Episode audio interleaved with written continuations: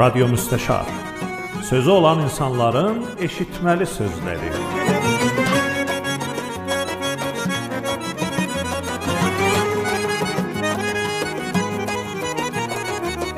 Salamlar, hörmətlər. Əziz dostlar, dəyərli yoldaşlar, Radio Müstəşar dinləyiciləri, hər vaxtınız xeyir olsun. Mən Aydın Namdar, bura Radio Müstəşar studiosu. Nə gözəl ki, bəxtiyar oldum yenə taza bir epizodla sizin qulluğuzdayam. Nə, nə də gözəl bir epizod bizi gözləyir. Niyə ki, çox dəyərli, çox e, incə sənətimizə xidmətlər eləmiş olan bir gözəl insan bu günlərmə Radio Müstəşarın qonağıdır. Arzum budur ki, bu günəcən Radio Müstəşardan 8 epizod yayılmış 8 epizodu qulaq asmış və bəyənmiş olasınız və bu epizod da onlara qoşulsun. Bu günlərimə Doşənbə günü e, 4-cü ayın 31-i 1398-ci ildən axşam 6:30-dır ki, biz söz söhbətimizi başlayırıq və bu 9-cu bölümdür ki, siz Radio Müstəşarı ilə birlikdəsiniz. Əlbəttə ki, təkrar eləməyi yersizdir, vəli gərəkdir ki, yenə xatırladan biləcək. Radio müstəşar çalışır ki, bu nəsildən sözü olan insanların səsin və sözün gələcək nəsillərə yetirsin. Bizdən ayrılmayın, qeydaq görək dəyərli qonağımız kimdir.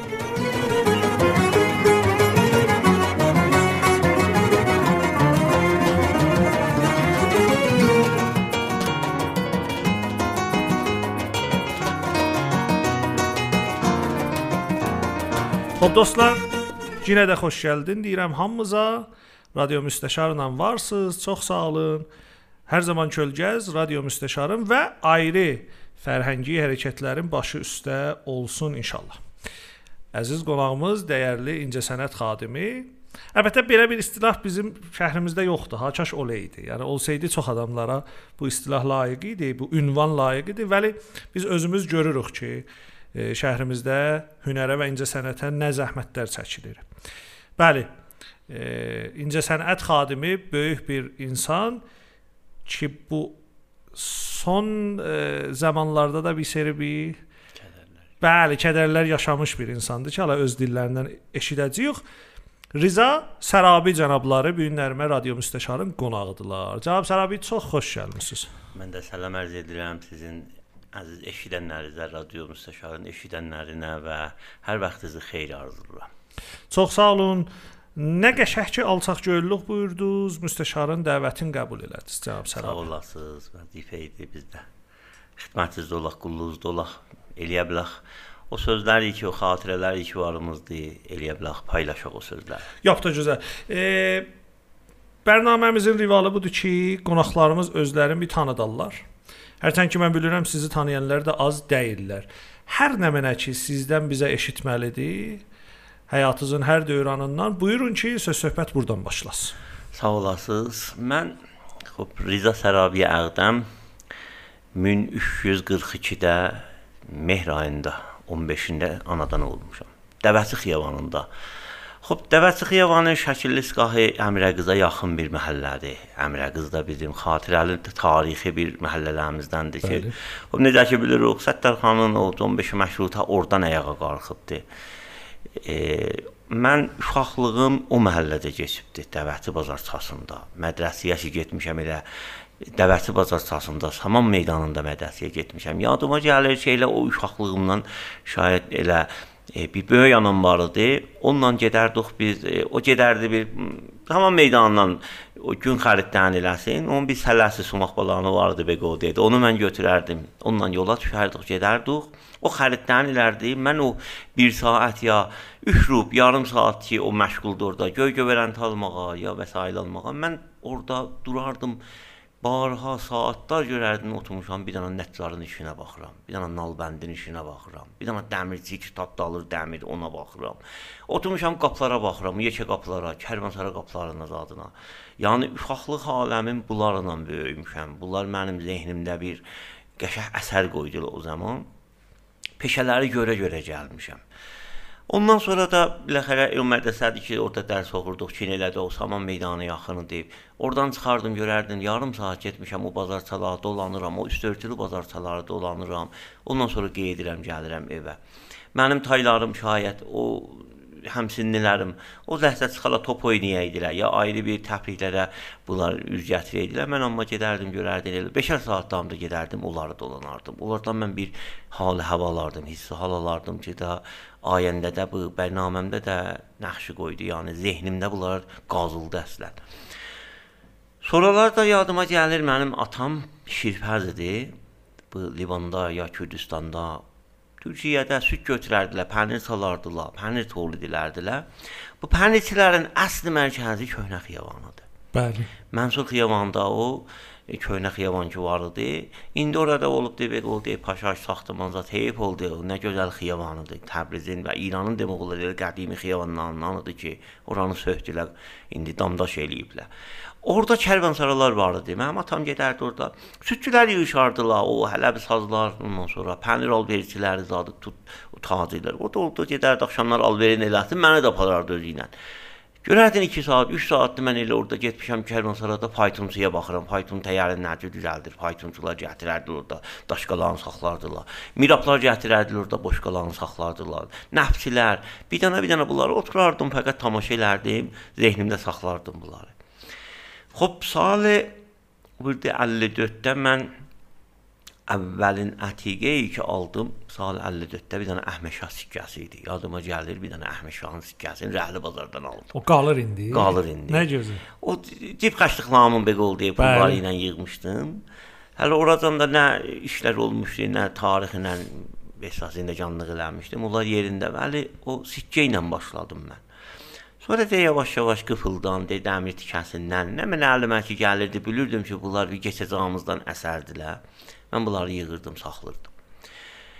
Və nəticəsi də bu oldu ki, bir dənə bir böyük kolleksiyona təbdil oldu, bir böyük dəyərli bir məcmuəyə təbdil oldu. Yəni getdikcə mən hərfiyələşdim, bildim ki, hər zadı gəh almayam və bəzi şeyləri vardı ki, bizim e, keçəcəyimizdən bir əsərdir, şayət heç kəs ona ərziş qail olmaya Bəli, bunu saxlamağım gərəkdir. Bu gərək qala nəsl ayəndiyə, ayəndiyə təhvil verək. Və bu hissi də əvvəldən varım idi ki, bunlar mənim deyirlər. Bunlar ayəndəndirlər. Bir dənə bir hədəf varım idi. Yəni şayət elə inanmaq olmaya, bəli 35-40 il bundan qabaqdan mənim bir dənə hədəfim var idi ki, bunları mən yığacağam, saxlayam gələcəyə. Gələcək nəsli ki, gələcəkdir, bunları verəm onlara. O hissindi də varımdır. Necə ki bilirsiniz, mənim əksər vəsaitlər yığmışam də onu minnət apaq vermişəm muzələrə ki, bunlar hamı istifadə eləsinlər.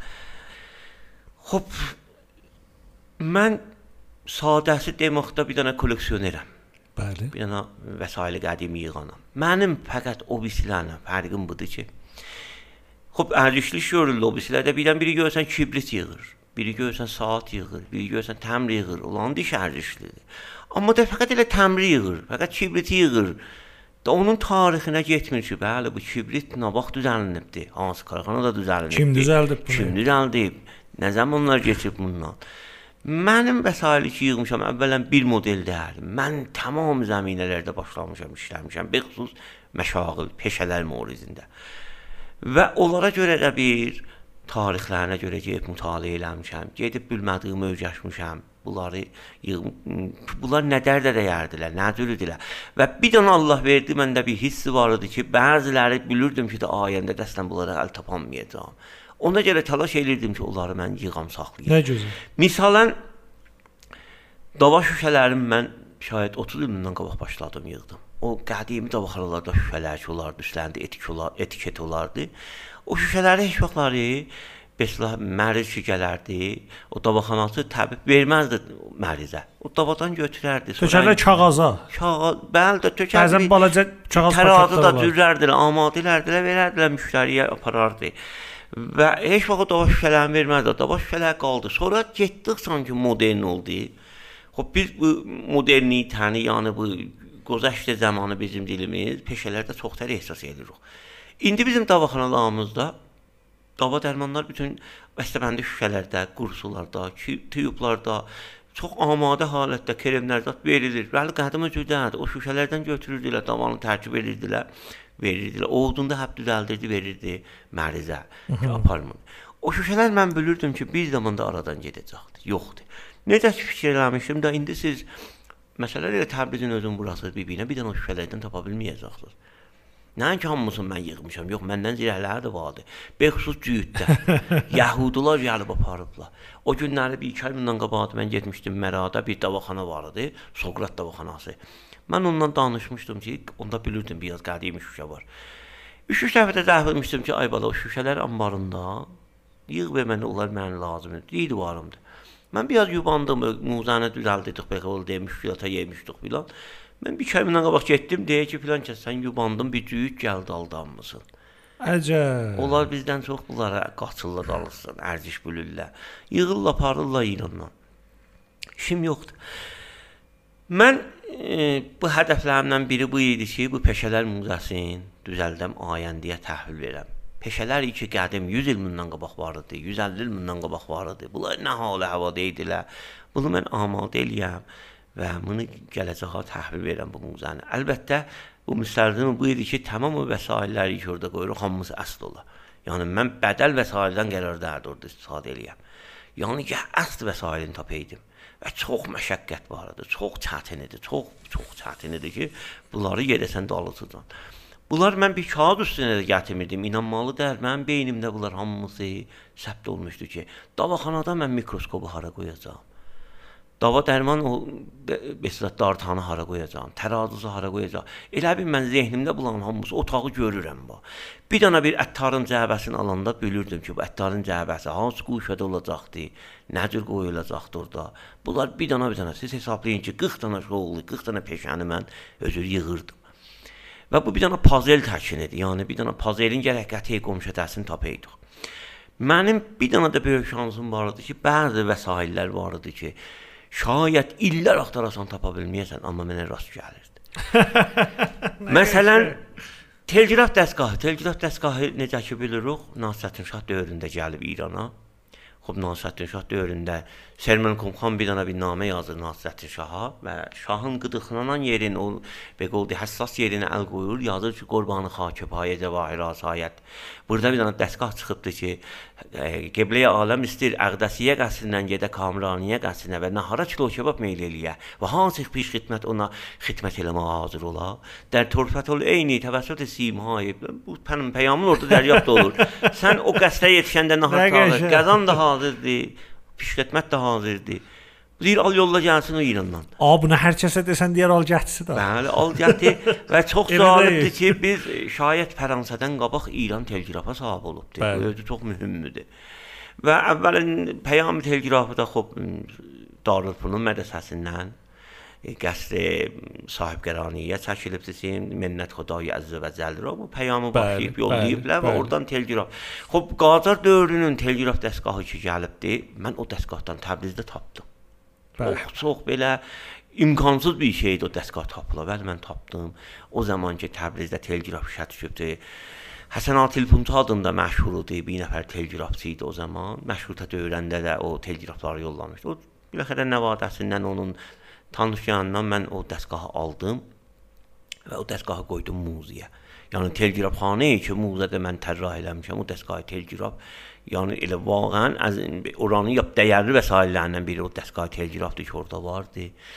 Ya məsələn o zaman mən bilirəm ki, bərq yox idi. Dəstgahı teleqraf da bərq olmasa heç vaxtları işləməyəcəkdi. 30 il teleqraf gələndən sonra bərq gəlib İrana. Və xop bu dəstgahlar necə işləyirdi? Hər zaman o teleqraf dəstgahlarının yanında bir dənə bir müvəllid bərqi yollamışlar. Bir dənə bir cəbədir, həndili vurursan, içərisində qəygərə vardı ki, parça ilə bu simin üstün ab bənd eləyiblər, yəni plastikisat yoxdur. Bir dənə ahır rıbayı nəli əsb şəklidir, alt nəlin modelində bir ahır rıbadır filan. Bunu fırladanda bu qəygərələr fırlanır, bir bərq tolid edir. O bu dəstgah o qədər azdır ki, İran özündə, hələ dünyada da azdır. İranda 2 dənə vardı. Bir dənəsi İsfahanda, Muzeyə Əraməniyə Zolfay İsfahanda qoyublar nümayişə, Yapon xanımki idi. Bir dənə də biz tapmışıq. O Kilisay Vankda. Bəli, bəli, bir dənə orada qoyublar nümayişə. Və bir dənə də mən biləxərə tapdım, getdim elə. Bunun tarixi saxtı 1854-dür, Pensilvaniya, Amerikadır. Çox tapılmayan, çox dəyərli bir əsərdir, yəni. Onlardandır ki, da Beqodiyə bir dəfə düşər adamlar. Dedim təkin bu muzə bir dənə pazel təkin bir gərək qətaat qomşu dəsti tapılaydı, yığışıydı tabə bu muzə təşkil tapaydı. Oraya yetişməmişdən qabaq mən muzəni hələ təşkil verməmişdən qabaq nə qədər mən vəsaitlər yığdım. Səy edirdim bunları mən seyr eləyəm. Məsələn, bir dənə bir dənə rahəm panosu aldım mən. Yadımdadır, əvvəlin panosu ki aldım, bir dənə bir məngam panosu idi, rahəm panosu idi. Bunu suzanbanlar əllərində dolandırardılar. 3 dənə şüşəsi olardı, ağ, qırmızı, səbz ki, bu şüşələr mütəhərrik idi. İstir birdən lokomotiv ki, gəlir, yol bağlıdır, istir desin ki, yol bağlıdır, gəlmə. Onu gecə əlində tərpədərdi. Səbz çırağın, göy çırağın, yaşıl çırağın şüşənin qabağında. Filtrdir da, şüşə bəli. Əvvəlin panos o idi, sonra yavaş-yavaş da ayrı panos, o bunu al, onu al, fayton panosu. Bir dəfə mən gördüm 30 dənə panosum var. Öz növündə elə 30 dənə bir hərəsi bir növ panos olur, hərəsinin bir karbord olur. Gəldim bunu mən yap təxəssüslər elədim, çox atdım. Mütaliə elədim internetdə, o biz keşfləri ilə. Almandan bir də məsələn dəryayı panosları, İngilistandan rahən panosları idi, Amerikadan mədən panosları. Bunları internetin təvəssüsü ilə xəridar edirdim, göndərirdi, elə gəlirdi bu kolleksiyonu yap çox aldım. Nə gözəl. İndi neçə danadır? İndi 270 dana. Bəh, bəh fanus və vəsail roşənayi ki, qədimisi 4000 il bundan qabağa yetişir əsr məfrəğə. Bəh. Cədidi də ki, də elə bir qol dedi, Edisonun lampıdır. Edisonun lampı, Edison ki, lamp ixtira eləyibdi. Bu lampalar çox kəmyabdır dünyanın elə bəzi muzələrindəki var, çox kəmyabdır. Vəli xop məndə vardı o lampalardan. Bu kolleksiyondakı roşənayiyə mərbutdur. İşıqlar muzəsidir da. Mənim arzularımdan biri bu idi ki, İşıqlar muzəsini Təbrizdə qoşam. Buradan hələ müvəffəq ola bilməmişik. Düşünməyiblər. Məsullarımız yəni bilmirlər mən istəyirəm nə edəyəm bəzi vaxt. Hey demişəm baba bu işıqlar müəccəsi, işıqlar muzəsi bir dənə böyük muzədir. Mənim Xavərmiyanədə bu panosları yığmışam taysızdır. Mənim tənha rəqibim bir dənə Türkiyə Türkiyədədir ki, bir dənə Osmanlı xanvadədir, Ömür Açılan bəy xanvadəsi. Onların 170 dənə fanusları yoxdur, 180 dənə fanusları yoxdur. Mən onların boğazından bir dənə fanus çıxartmışam, almışam. Yəni Türkiyədə bir dənə fanus var idi, Louis Şanlızdahın zamanının fanusu idi. Əldə düzəltmişdilər, bürüşdən payton fanusu. Mən onu Türkiyədən alanda onlar da onu axtarırdılar. Mən onlardan tez yetişdim. Özüm də getməmişdim, adam yollamışdım, get o fanusu al. Mən onlardan tez yetişdim. Onu adamım gedir, onu alır. Axşam çağı onlar gəlirlər, deyirlər ki, əfəndim bir fənər vardı səndə. Deyir ki, bəli, bir İranlıya satdım. Mənim o dostumun şumarəsini alırlar, zəh vururlar ki, o fənəri sat, biz onlar panusa fənərdir. Bəli, bəli. Və cərəyanı çox uzundur. Xoş bu bir dənə bir dəyərli bir fanusdur ki, mən onların öz keşfərində onların əlindən çıxartmışam, gətirmişəm İranda. Bəli, onu mən bura gətirməyə müsibətindən gətirdim. Gömrükdə bir dava, mərzidə bir dava. Aman aman ki, gəlsin, yetişsin. Özü də gəlmək həmin bir gün qalmadı mənim əlimdə. Səhərə apardım, verdim muzey Qacara. Qoydular da vitrinə. Mənim panuslarım orada muzey Qacarda idi. Apardım müdir muzeyə ki, bu dəyərli panusdur. 400 il bundan qabağındır. 50 kişidir. Çox möhtəşəm bir şey. Bunu qoy muzey. Xoş bu fanuslar dediyim təkin işıqlar işıqlar muzeysinə təbdil ola bilər. Necə ki dediyim təkin xəbərmiyanədə taysızdır. Amma burada elə bir miqdarı mənim özümdə, bir miqdarı bu muzədə, bir miqdarı o muzədə. Bəzi muzələrdə də bunları keyfiyyət saxlamaqları düzdür. Görürsən, aşıbdır, şüşəsi sınıbdır, parçası cırılıbdır. Hala görə ayəndə də nədir olacaq? Ömür olsa bunu yığacaq bir yerdə bir muzə təşkil verək. E, Ayşər abi, söhbətləriniz o qədər şirindir ki, əsən Mən öz-özümə bir iki seri dedim, xop niyə mən bu söhbəti kəsim bu ilə qəşəng gedir də qabağa. Müntəha üçün istəyirəm köməkləşək ki, sizin dəyərli həyatınızın çoxlu parçalarına işıq salaq və eşidənlərimiz onlarla tanış olsunlar.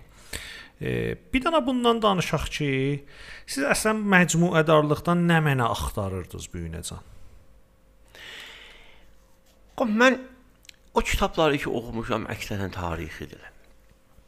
Şayət bəzi kitablar vardı ki, hövsələsi cəmaətin çəhmi oxuya. Məsələn, mənim Ruznamə Xatirət Məhəmməd Həsən xan Etimadu Səltənə şayət də bir 2-3000 səfər kitabdır narın xəttinə. Hər adamın hövsələsi çəhmi onu oxuya. Özür. Mən bir 7 dəfə onu oxumuşam lağal. Bir dənə misal deyirəm o kitabı. Bəli. O kitabda o bəzi vəsailləri işarə eləyibdi ki, öz zamanında bir də məsələn Nasrəddin Şahla gedirlər məsələn Kərbəlaya. Bunlar Bağtərəndə oturaq eləyiblər. Bağtərəndə Nəməniyə rast gəlibdi. Bu onları yazıb günmə-gün, dana-badana. Onlardan mən çox şeylər aid olub biləmə. Çox vəsaitlər, çox e, tarixi əsərləri zad orada oxumuşam, getmişəm dalısızam bunları axtarmışam, tapmışam. Və bu tarix oxumaq mənim Nə tənha məcmuə dallığımda əsər qoyubdu ki, bunları yığam. O birisi işimdə mən bilirsiniz ki, o birisi işim mücəssəmə sazıdır. Bəli. Ona da gələcəyik indi. Oradan da eşitməliyik. Ona da təsir qoyubdu bu tarix oxumaq. Və bu hissim vardı ki, bunlar da aradan gedir. Məsələn, bir dənə misal vurum. İndi bizim qap döyənlərimiz yoxdur da. İndi təzə qapılar ki düzəldillər. iPhone təsviridir də. Əslən qap döyən yoxdur.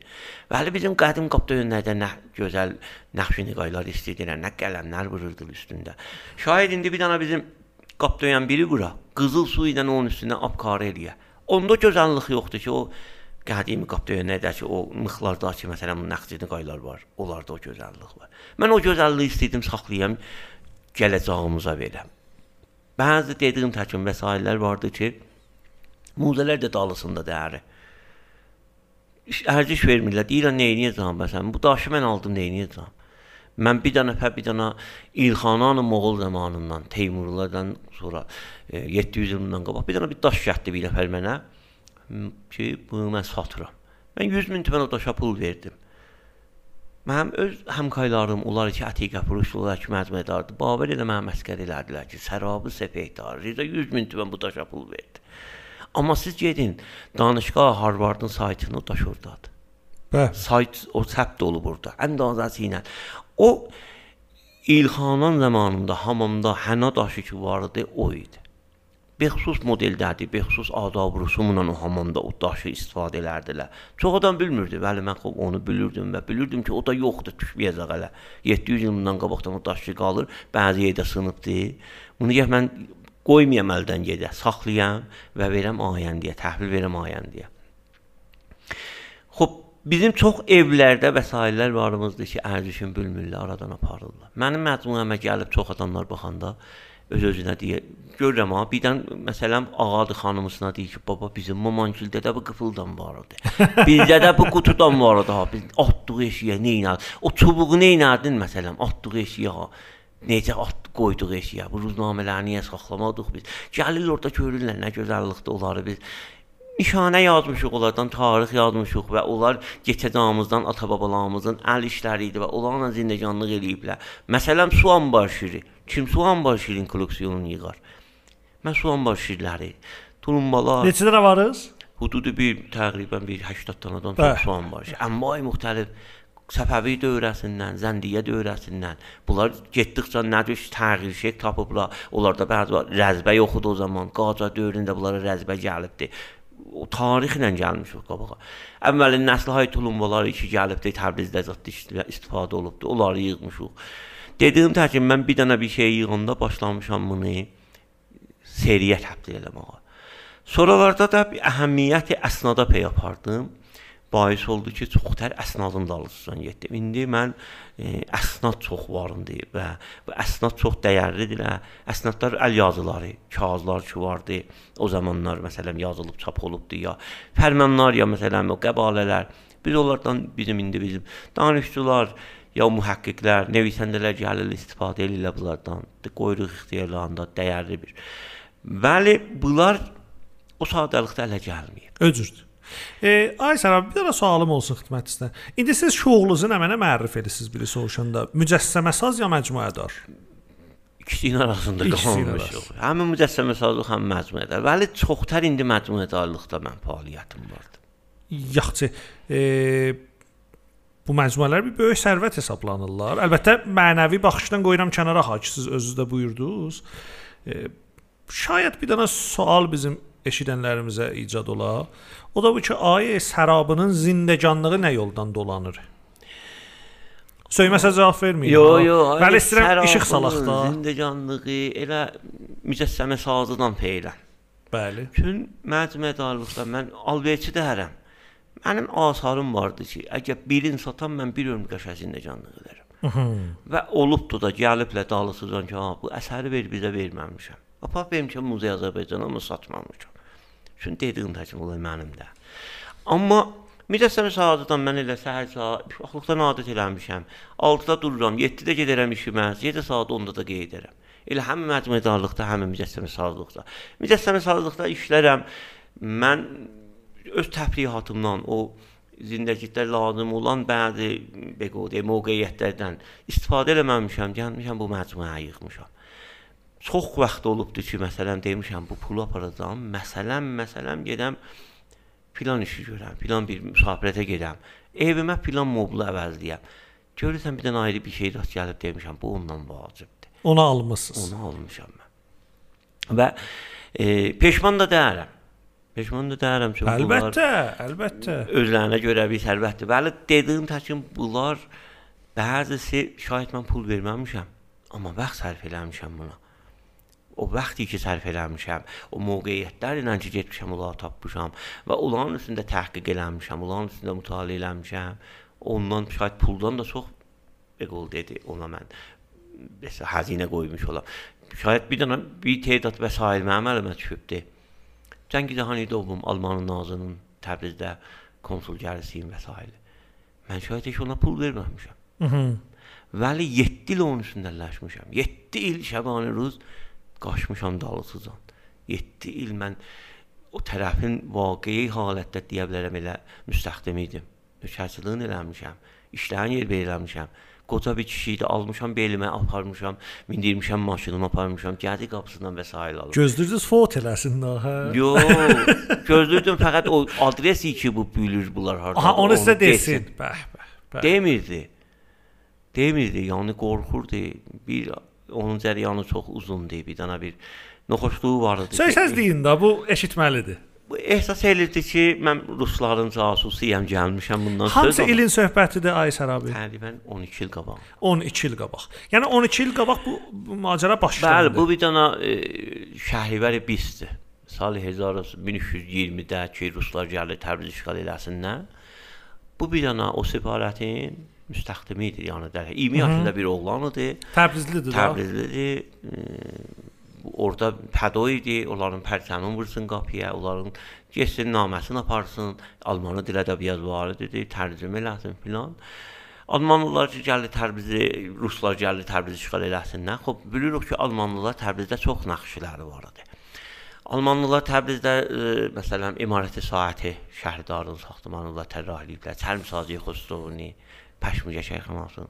Ya məsələn biz Zığlar məhəlləsi deyirik, çox adam deyər və Zığlar məhəlləsi orada palçıq gələrdi, zığ olardı. Yox, ora Ziqler idi. Ziqler bir dənə karxanadar idi Almanlı. Orada bir karxanası var idi. O gedəndən sonra da Ziqler elə adı qalıbdı, Zığlara təbdil olub.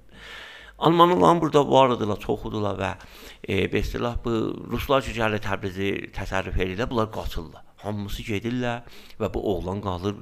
Oğlan da qaçır kətlərin birində gizlənir. Deyir indi ruslar məni də tutacaq deyəcəksən e, Almanın nazının adamla anlamsan.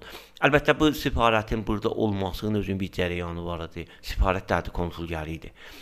Almanın nazı e, əsl səfarəti Tehranda idi. Rza Şah da Almanlılara çox girayişi var idi.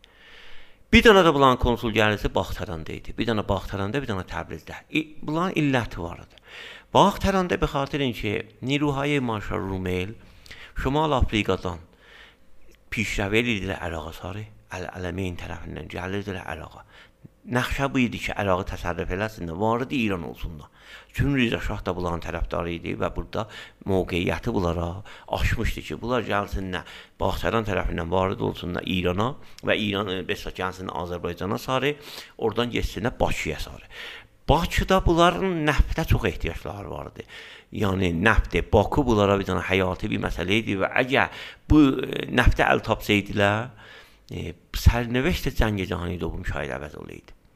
Xop üst tərəfdən də Şimal Avropadan General Quderiyanın Əsas Nirular gəlmişlər Stalingrada tərəf, ondan Marşal Poplos gəlirlər bunlar Odesanı fəth eləyirlər, gəlirlər Kremlinin hesab borcularını da bunlar görürlər yavaş-yavaş. Əgər bunlar Niruhay Alman gələydi İrana, İrandan gələydilər, gedəydilər, hesab vardı Rusiya olaydilər, qeyti var, bunları mühasirəyə salaydilər, çox fərq eləyəcəkdi. خب bu dövəl mesela Amerika, Şuravi və Fransa, İngilistan bunlar dərk elirlər, gəlirlər bir dənə konfransda və təslim tuturlar İran, İranı işğal eləsin Almanlılar, buradan salsın eşiyə. Rza Şah da tüm təmkin eləmirdi. Məcbur olur qoysun, çıxsın, getsin, qaçsın və bunlar gəlirlər, İranı təsərrüf edirlər. Ona görə bu Almanlılar da İrandan fəvri çıxırlar gedirlər. Mən o kişini biləxərə eşitmişdim ki, Təbrizdə bu səfarət vardı, konsulgəri vardı və sətdə-sətt bunların bir miqdar vəsaitlərinin orada qalır. E, bu kişini tapdıq biləxərə çox müsibətdən sonra mən bu e, həmin 20 yaşında oğlan ki olmuşdu indi 85 yaşında, 86 yaşında. Mən bunu tapdım. Bəli, Bir dənə bunun bətər nüxoşluğu var idi, o da bu idi ki, bu qorxurdu, deyirdi və mən casusam, gəlmişəm bundan, söz alan mən bunu əsir tutam aparam verəm Rusiyalılara. Ha, yəni bir o ə, zadı var idi, paranoyası var idi da. Eyni serialı Dayıcan Napoleonda. Bəli, o bəli. O Dayıcan ki deyirdi və ingilislər gəlirlər mındalısıcan. Eyni həmin cərəyan bunda da var idi. Çünki cavanlığın kullan qorxu ilə soruşmuşdu. Hər ləhzə bu elə ehsası vardı ki, bunu gələcəklər tutsunlar. Xub bunu mən razı eləməyə ki, gedək o ev ki var budur, gəldim. Bu bir dənə apartmanda dinləganlıq elirdi. O evi də axir ləhzələrdə satmışdı ki, paşajat düzəltdirə, hələ işim yox. Mən bunu bəran ki, razı eləyəm, gəl gedək o məsələn o zeyzəmidə o əgər o vəsail qalır, onları mən görüm, əsnadi ki qalır, onları mən görüm. 7 il çəkdi. Gedərdim evinə, dırnaqlarını tutardım, pərdəsini yuvardım, qəzab bişirərdim, aparardım, evin süpürərdim, başını qırxardım. Dedim təkin alardım belimə, aparardım, vəsail xərid elərdi. Çünki yeri yanmırdı. Belimdə gətirərdim, qoyardım təxtinə. 7 il mən bunun işlərin yer verirdim ta axirdə də cana gəldim, ağladım. Biləsən deyim, kişi də mən yoruldum axı. Və bunları mənə hava verəcəksən. Ki axirdə biləxərə getdik. Nə gözəl. O vəsaitlər İndi qalır ya dünyasını dəyişib. O dünyasını dəyişdi. 8 il bundan qabaq dünyasını dəyişdi.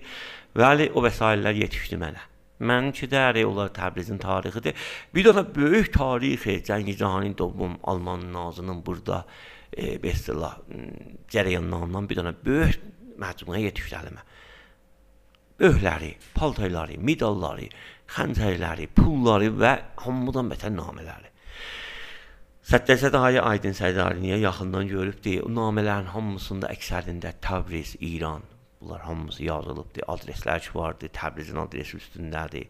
Böyük sənədlərdir. Mən e, ayəndə də nəzərim var bir dənə bir nümayişgahı tərtib verəm. Həttəmən bu iş. Cəngə Cahani Dobum Təbrizdə nə əsərləri var idi. Bir dənə böyük görəcək. Xub bunu qəbul eləyək ki, bizim qədimdən də elə Almanın tərəfdarı çox-çoxdur. Yəni uşaqlar vardılar ki, mən indi də görürəm, elə Hitlerin tərəfdarıdırlar. İndi nə mənadır bilmirəm. İranda o Almana və Hitlerə bəxüsus tərəfdar çox-çoxdur. İşim yoxdur cinayət eləyib, nə edib. Ondan işim yoxdur. Az nəzər tarixi baxımından çox adam tərəfdarıdır. Yəni bu nümayişgah bəyqozar olsa, cəzalət tən nümayişgahlardan olacaqdı ki, Təbrizdə bəyqozar. Çox qəşəng. Buyurun, buyurun, buyurun. Bu bir tarixidir. Ya məsələn mən Begol deyə bir məsəl var. Bir əlivlə ver, bir əlivlə al. Həmişə mən bunları ki vermişəm, bir dənə bir kado vermişəm, bir dənə bir bir dənə bir məsələn əlimdən bir şey vermişəm, bir şey də yetişib. Hətta 7 il o adamın siz xidmətini eləmisiniz də. Bu elə Məsələn, mən Barnava tərəfindəki otururam. Əksərən piyada durardım. Rastasiyada kargahım vardı. Piyada durardım, gedərdim kargahıma. Varid olardım Şəyxana bazarından, Şəyxan bazarının rübərisində, Gürcülərdən varid olardım bazara. Yolumu oradan salardım. Eləyə bilərdim müstəqil belə Şəhnadı vuram, gələm, Rastasiyaya, Rastasiyadan da gedəm, vəsətlərində kargahıma, muzey məşhur çiyinində. Amma vurardım bazarın içi ilə, o qapıları görə-görə gələrdim. O e, Səngidə veştələr ki vardı. Cübə məscidin üstündə bir Fətəli şahın daşı vardı, Sultan ibn Sultan. Onu mən şahid 200 dəfə oxumuşam. Ondan mən bir ruhiyyə alardım. Onları görə-görə mənim bir zehnim açılardı, gedərdim işimi görərdim. Qarqah mücəssəməsi aldım ki. Bir gün yadımdadır, o Gürcülərdə Sultan Ali, Sultan Ali o bal qeymaqçı ilə bu tərəfdə cümlə məscidin vəsətində bir dənə bir qeyd saz var idi. Qoca bir kişi idi. İstəyirəm deyəm ki, bu vəsail nə qədər zəhmət çəkilib gəlib əlimizə bir xatirə. Bəli, bəli, həttəm. Bunun rübərəsində bir dükan var idi. Taxtadan qapısı, qapı da o qədər zaman keçmişdi, qapı cırılmışdı. Baxanda içərisində nəccari və sahillər görsənirdi. Müşəxxəsdir ki, nə də toz torpaq oturmuşdu. Bu qədim bir nəccar dükanıdır. Qoca bir kişi də onun rübərəsində bıçaq qeyti düzəldirdi. Keçdim deyim filan kəs, bu dükan nə vaxt açacaqdı? Deyə buraşmayacaq. Deyim axı necə? Yəni deyim mən uşağıdım. İndi mənim 80 yaşım var. Mən uşağıdım. Gedərdim məktəbə, çıxardım, gələrdim. Anam atamın naharını verərdi. Gətirərdim burada bu bazarda. Atam naharını yeyərdi. Mən də xəttəmi yazardım Beqol deyə. Təkliflərimi nizam verərdim, dərsimi hazırlardım. Sonra da durardım atama köməklik edərdim. Bu işi də atamdan öyrəşmişəm. O zaman bu dükan bağlı idi. Əcəb. Yəni şayət belə bir 150 ildir bu dükan bağlıdır. Mən bir dənə şumarəmi yazdım buna. Verdim biləsinə dedim, filan kəs bu mənim şumarəmdir. Bu dükanı hər vaxt açdılar, gətir, mənə bir zəhv. Sabah söz özümə deyim ki, bu kağızı itirəcəkdir. Mən onda bir Səttarxanın mücəssəməsini çıxartmışdım, balaca Səttarxan. Bütün bala mücəssəmələrdə bəli, tolu bəli. deyirlər. o Ehsasımız vardı ki, o turistlər iki gəlirlər Təbrizə, bir dənə özlərindən bir dənə bir əsər alsınlar, burdan aparsınlar. Biri getsə Fransaya, borcu ifəli alar. Getsə Misrə, Əbulholun mücəssəməsini. Hara getsə orada minimad alar. Biz də burada deyərik ki, şəh, Usta Şəhriyarın rəhmətli Səttarxanın, Barxanın ya binahay tarixi Təbrizi tolu deyirik ki, Bunlar e, Besrat gələndə bura özləri ilə bir töhfə aparsınlar. Mən bir dənə balaca Səttarxan götürdüm, apardım, verdim buna. Deyim ki, o kağızı itirəsən. Bu Səttarxanın mücəssəməsinin altında mən şumarəmi yazmışam. Nə gözəl. Bunu qoy orada dekoru var. Hər vaxt bu dükanı açsa mənə zəhmət. Aa, bunun üstündən bir 6 il, 7 il keçdi. Mən mücəssəmi istəyirəm, yadıma gəlir rəhmətli Səkkətül İslamın mücəssəməsini işləyir. Bəli. Əlim palçıqlı, üstün toz torpaq, gəzli, telefonum zəhmırdı. Deyirəm ki, dükanı basıbla ha bazarda. Deyim iştiba tutmusan dadaş. Qət elədim. Bu dadaşdan mənə Eyvah, eyvah. Deyib, a, bazarda dükanı açıblar. Deyim, dadaş iştibat bunu, mənim bazarda dükanım yoxdur. Deyib, baba, o nətcə dükanı açıb ba. Mən telefonu heç xudafizlik eləməmiş, atdım yerə qaçdım. Dəmpaya yanımda, libas qarla, bütün üstüm gəş, torpaq palçıqlı. Rastla düşədə elə qaçıram ki, ayağım bir-birinə ilişə kəlləməllə qeydim. Qaçdım geydim o dükana, gördüm iki dənə ağadır, bir dənə xanımdır, çox şik puş, sonra gördüm biri vəkilləridir. Bunlar o rasıdılar, indi əmməsindən qalıb, kimdən qalıb deyib, gəliblər dükanı satıl. Bəli. Giymişəm mən də libas karla giydim, əlimi qoydum sinəyə, deyim Allah rəhmət eləsin. Deyir kimə? Deyim dükan sahibinə. Deyir biz tanımırıq. Əmri böyük. deyim ki, xop mən neçə təqdim eləyim? Pul təqdim eləyim, bu vəsaili verin mənə. Satın mənə. Məndən bir 2 dəqiqə qabaq bunlar oturmuşlar söhbət edirdilər ki, birimiz gedək meydan fəhləsindən bir dənə karjer tapaq gətiririk. Bu vəsaitlər götürsün, dükanı təmizləsin, təhvil veririk. Baxdı ki, atdan üstə mənə deyir fəhlə özə yayla gəlib də. Biz hələ ki yeydik meydan fəhləsinə. Mən buna pul pişnahad edirəm. Deyirəm ki, ha, neçə verim ki, bu vəsait verəsiz. O döndü mənə deyir ki, neçə alasan bula burdan aparasan. Deyim, zət istəmirəm pul eləmə. Mən təqribən 2 saat tər içində onları daşıdım qarqa. Həmin vəsaitlər indi muzey məşağilin qisməti nəticərısın təşkil veribdi. Mizik o zamandan qalır. Əksərən də Ağa Məhəmməd xan Qaza zamanının vəsaitləridir. Bəli. Yəni onların içində birdən girə nəticəri vardı ki, çətin tapmaq olar da tayın təxtədəndir. Çox çətin tapmaq olar. Xub bunlar bir hissidir ki, gərək səbr eləyəsən və tarix biləsən və poçtkarın ola dalısıdan gedəsən, konçkal Həvəskarlıq istəyir də. Bəli, gedəsən, bunları tapasan. Mən şoğluma görə, bu məcmua dayılığa görə dedim də ki, mənlə o birisi məcmua dayıların çox fərqi vardı. O birisilər əksərən pullu olurlar, görəsən tapışırlar, ha. Gələrlər deyirlər, ha, filan kolleksiyonu kirbiti satırlar. A, al mənə, neçə, al mənə. O durbindən al mənə. Apara qəşəng pul verər alar. Mən demirəm mən pul verməmişəm. Mən işləyib pul da vermişəm. Qəşəng də pulları xərcləmişəm, yığmışam. Bəli, bəzi vaxt toxunun dalısıdan tarixi halətdə getmişəm, ələ gətirmişəm. Və bəzi vaxtda dediyim təkin pay veriblər biləmə. Və itminan eləyiblər, biliblər ki, bu payı mən təhvil verəcəm bulanın öz övladlarına ayəndədir.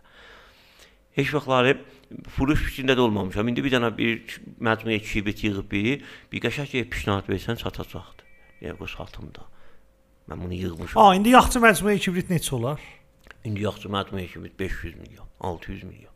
Əcəb. Bəli. Təmri necə olur? Təmri də qalıbdı Nəmənulla da vardı. Mhm. Təəssüfənə ya xoşbəxtənə indi Ətiqə bəh bağlaşıbdı da. İndi mən Aha. E, şayad e, bir ildə elə bir vəsaitdə almıram. Niyə? Çünki bahalaşıbdı. Əksərən ərdüşün bilirlər və e, koleksiyoner də indi bizdən təbəiyyət elədilər, yəni ərdə çoxaldı. Elə hansı kəsdən danışırsan, mən koleksiyon yığıram. Çox yaxşıdır, əzqədə yaxşı görürlər. Bəli, xop bu bahis olur ki, şey, da çoxalır. Mənim kolleksiyonumda siz səmavər tapa bilməzsiniz. Ütü tapa bilməzsiniz. Mən dediyim təkin elə vəsaitlərində alışdan getmişəm ki, bunlar hər adam da alışdan getməyib. Məsələn mən təxribçilərlə dostam. Heç məcmuədə təxribçilərlə dostam. Təxribçi məncə cibhən təxribçisidir. Bəzi evlər Bəli. vardı ki, Dərbənd içində olurlar. Qədim evdir. Ora loderzat gedə bilməz. Bir tədad xaricilər vardı ki, bunların işi təxrib eləməkdir. Müt- Mütəxəssisdir bu işdə. Gələrlər danışarlar, deyirlər 5 nəfərsiz, buranın tirahənləri, dirəkləri, pəncərəsi, hər nə mərəsi var sənindir. Amma Bu bura qədər- boşalt ver mənə. Buranı qoşacaqsan. Onları da verirəm sənə. Bunlara mən deyirəm ha, məsələn, bir kişi ilə dostam. Qədimi qapı düşdə mənə deyin.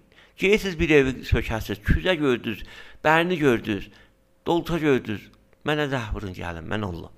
Gedərəm zəhvıralla görəsən bir dənə qapıdır, heç ərzişi də yoxdur. Pul verirəm allam onu. Aparıram o tərəfdə ataram eşiyə. Onu o səfər mən almasam ondan, gələn səfər mənə zat verməz. Nə gözəl baxış. Bunların biri Qudrət adında mənə zəh vurdu dedi ki, filan kəs biz burada Şəşiranda bir dənə evi sökürük. Burada biraz kököhnə kərkaz vardı.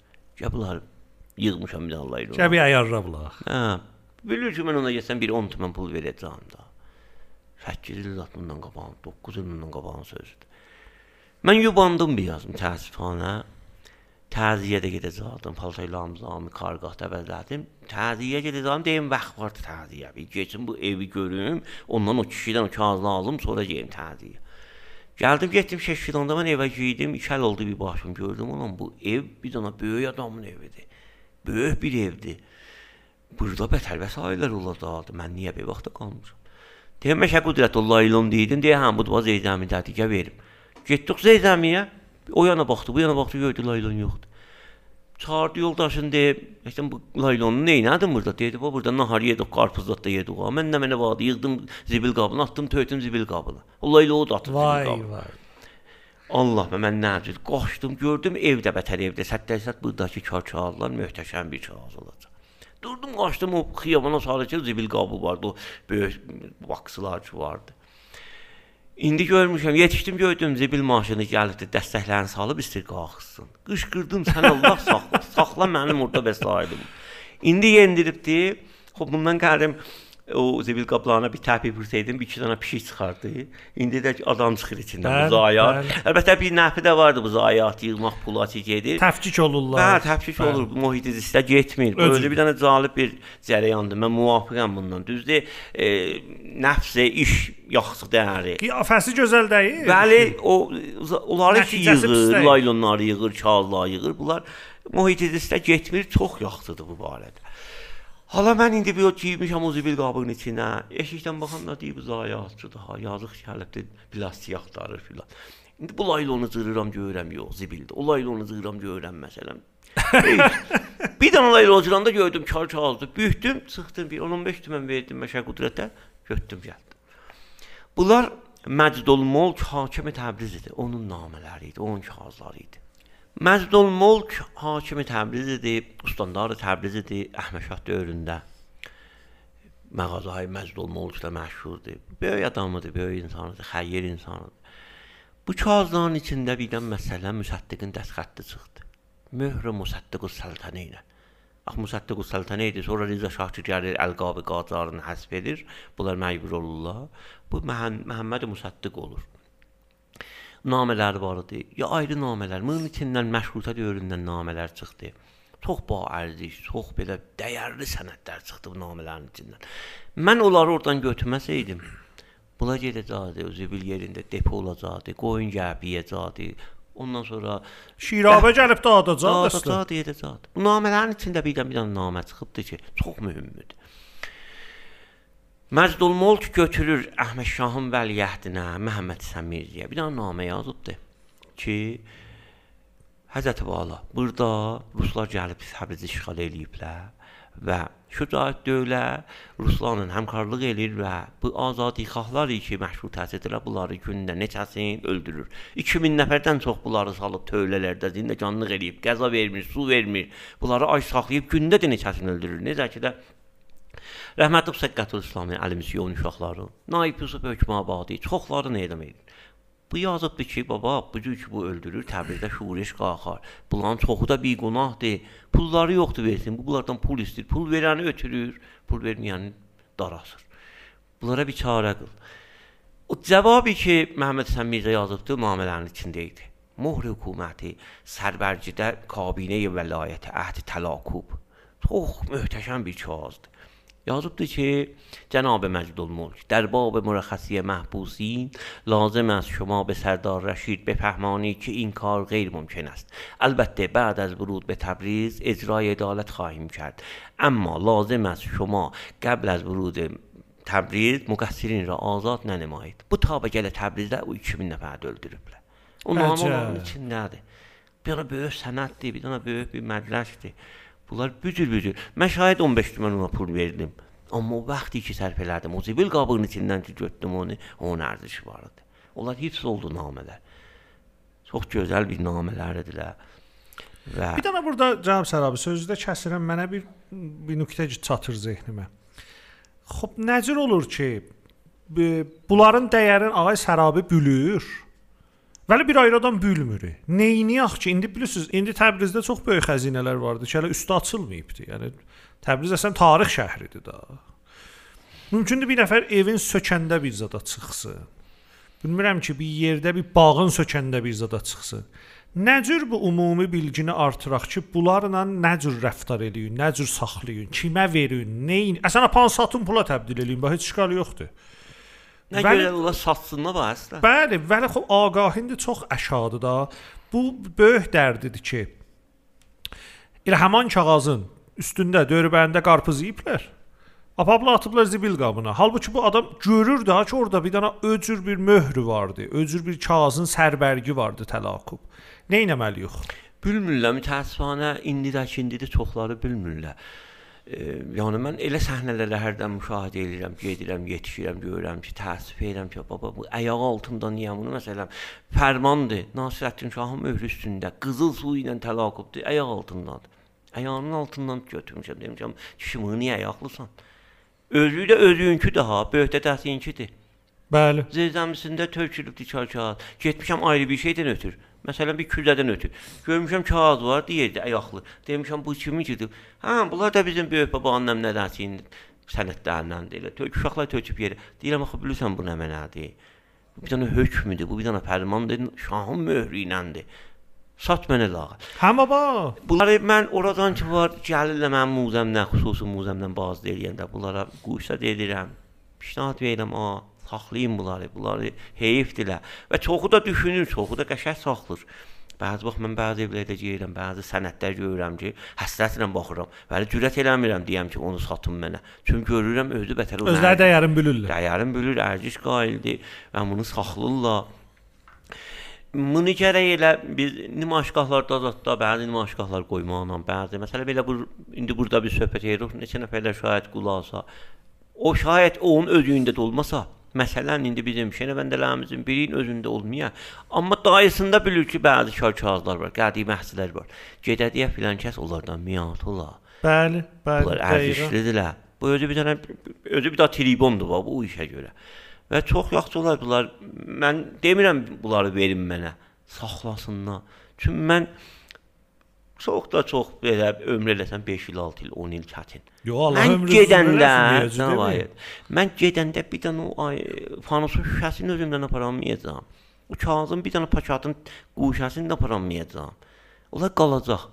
Nə yaxşı ki, qəşəng qala və ayində də bunlar. Mən o muzeyə məşağili Besat Biləldəndə bu bir dənə az qəza mənə yaxşı oldu ha. Ərzişim bildilər bu şəhrdariyə məntəqə. Hər çəndi ki, bilmirlər. Hərçəndi ki, heç biri bilmirik. Bəli, xub. Onda şəhərdarı deyir ki, "Ha, biz də köməklikdə gör nə edirik da və sənə." Mən o muzeyi yığdım.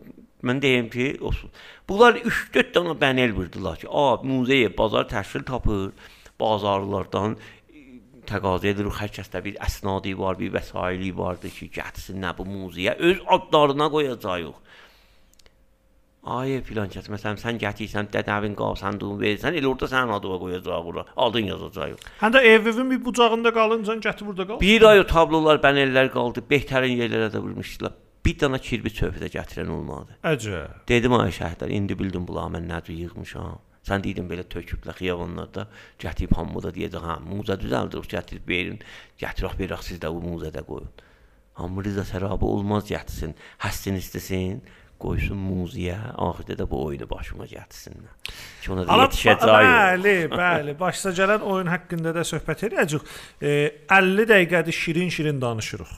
Zaman soğuşmur ha, görürsüz. O qədər ki siz xoş söhbətsiz Seyrəm, sağ olasınız. Var olasınız. E, bir dənə bir qıssa ara verək. Həm özümüz bir boğazımızı tazalayaq, həm bizi eşidənlər bir dincilərini alsınlar. Qeydaq, mən bir istəyirəm Azərbaycanımızın muzələr vəziyyətindən sizinlə danışım. Bir də bu əvaxir başsa gələnlər. Tamam. Tamam. E, dəyərli radio müstəşar yoldaşları, mən bir e, birinci faylımızın sonunda bir nöqtə təqdim eləyim. Yadımdan çıxdı əvvəldə gərək deyəydim. Bu gün Nərmə Ayı Sərabi ilə radio müstəşarda danışmağımızı və görüşümüzü bir dəyərli yoldaşa boşluyuq ki, radio müstəşarın 8-ci epizodunda da müfəssəl danışdım belələri ilə. Ayı Aydın Sərdariniyə də bu gün Nərmə müşayiət eləyiblər Ayı Sərabını, gəliblər radio müstəşarın studiosuna. Mən elə burdan minnətdarlığımı təqdim edirəm bilələrinə. Sağ olsunlar ki, bu görüşə səbəb oldular. Müstəşardan ayrılmayın. Dincəlaq qeydaq söz söhbəti Ayı Sərabi ilə davam verək. Çox sağ olun.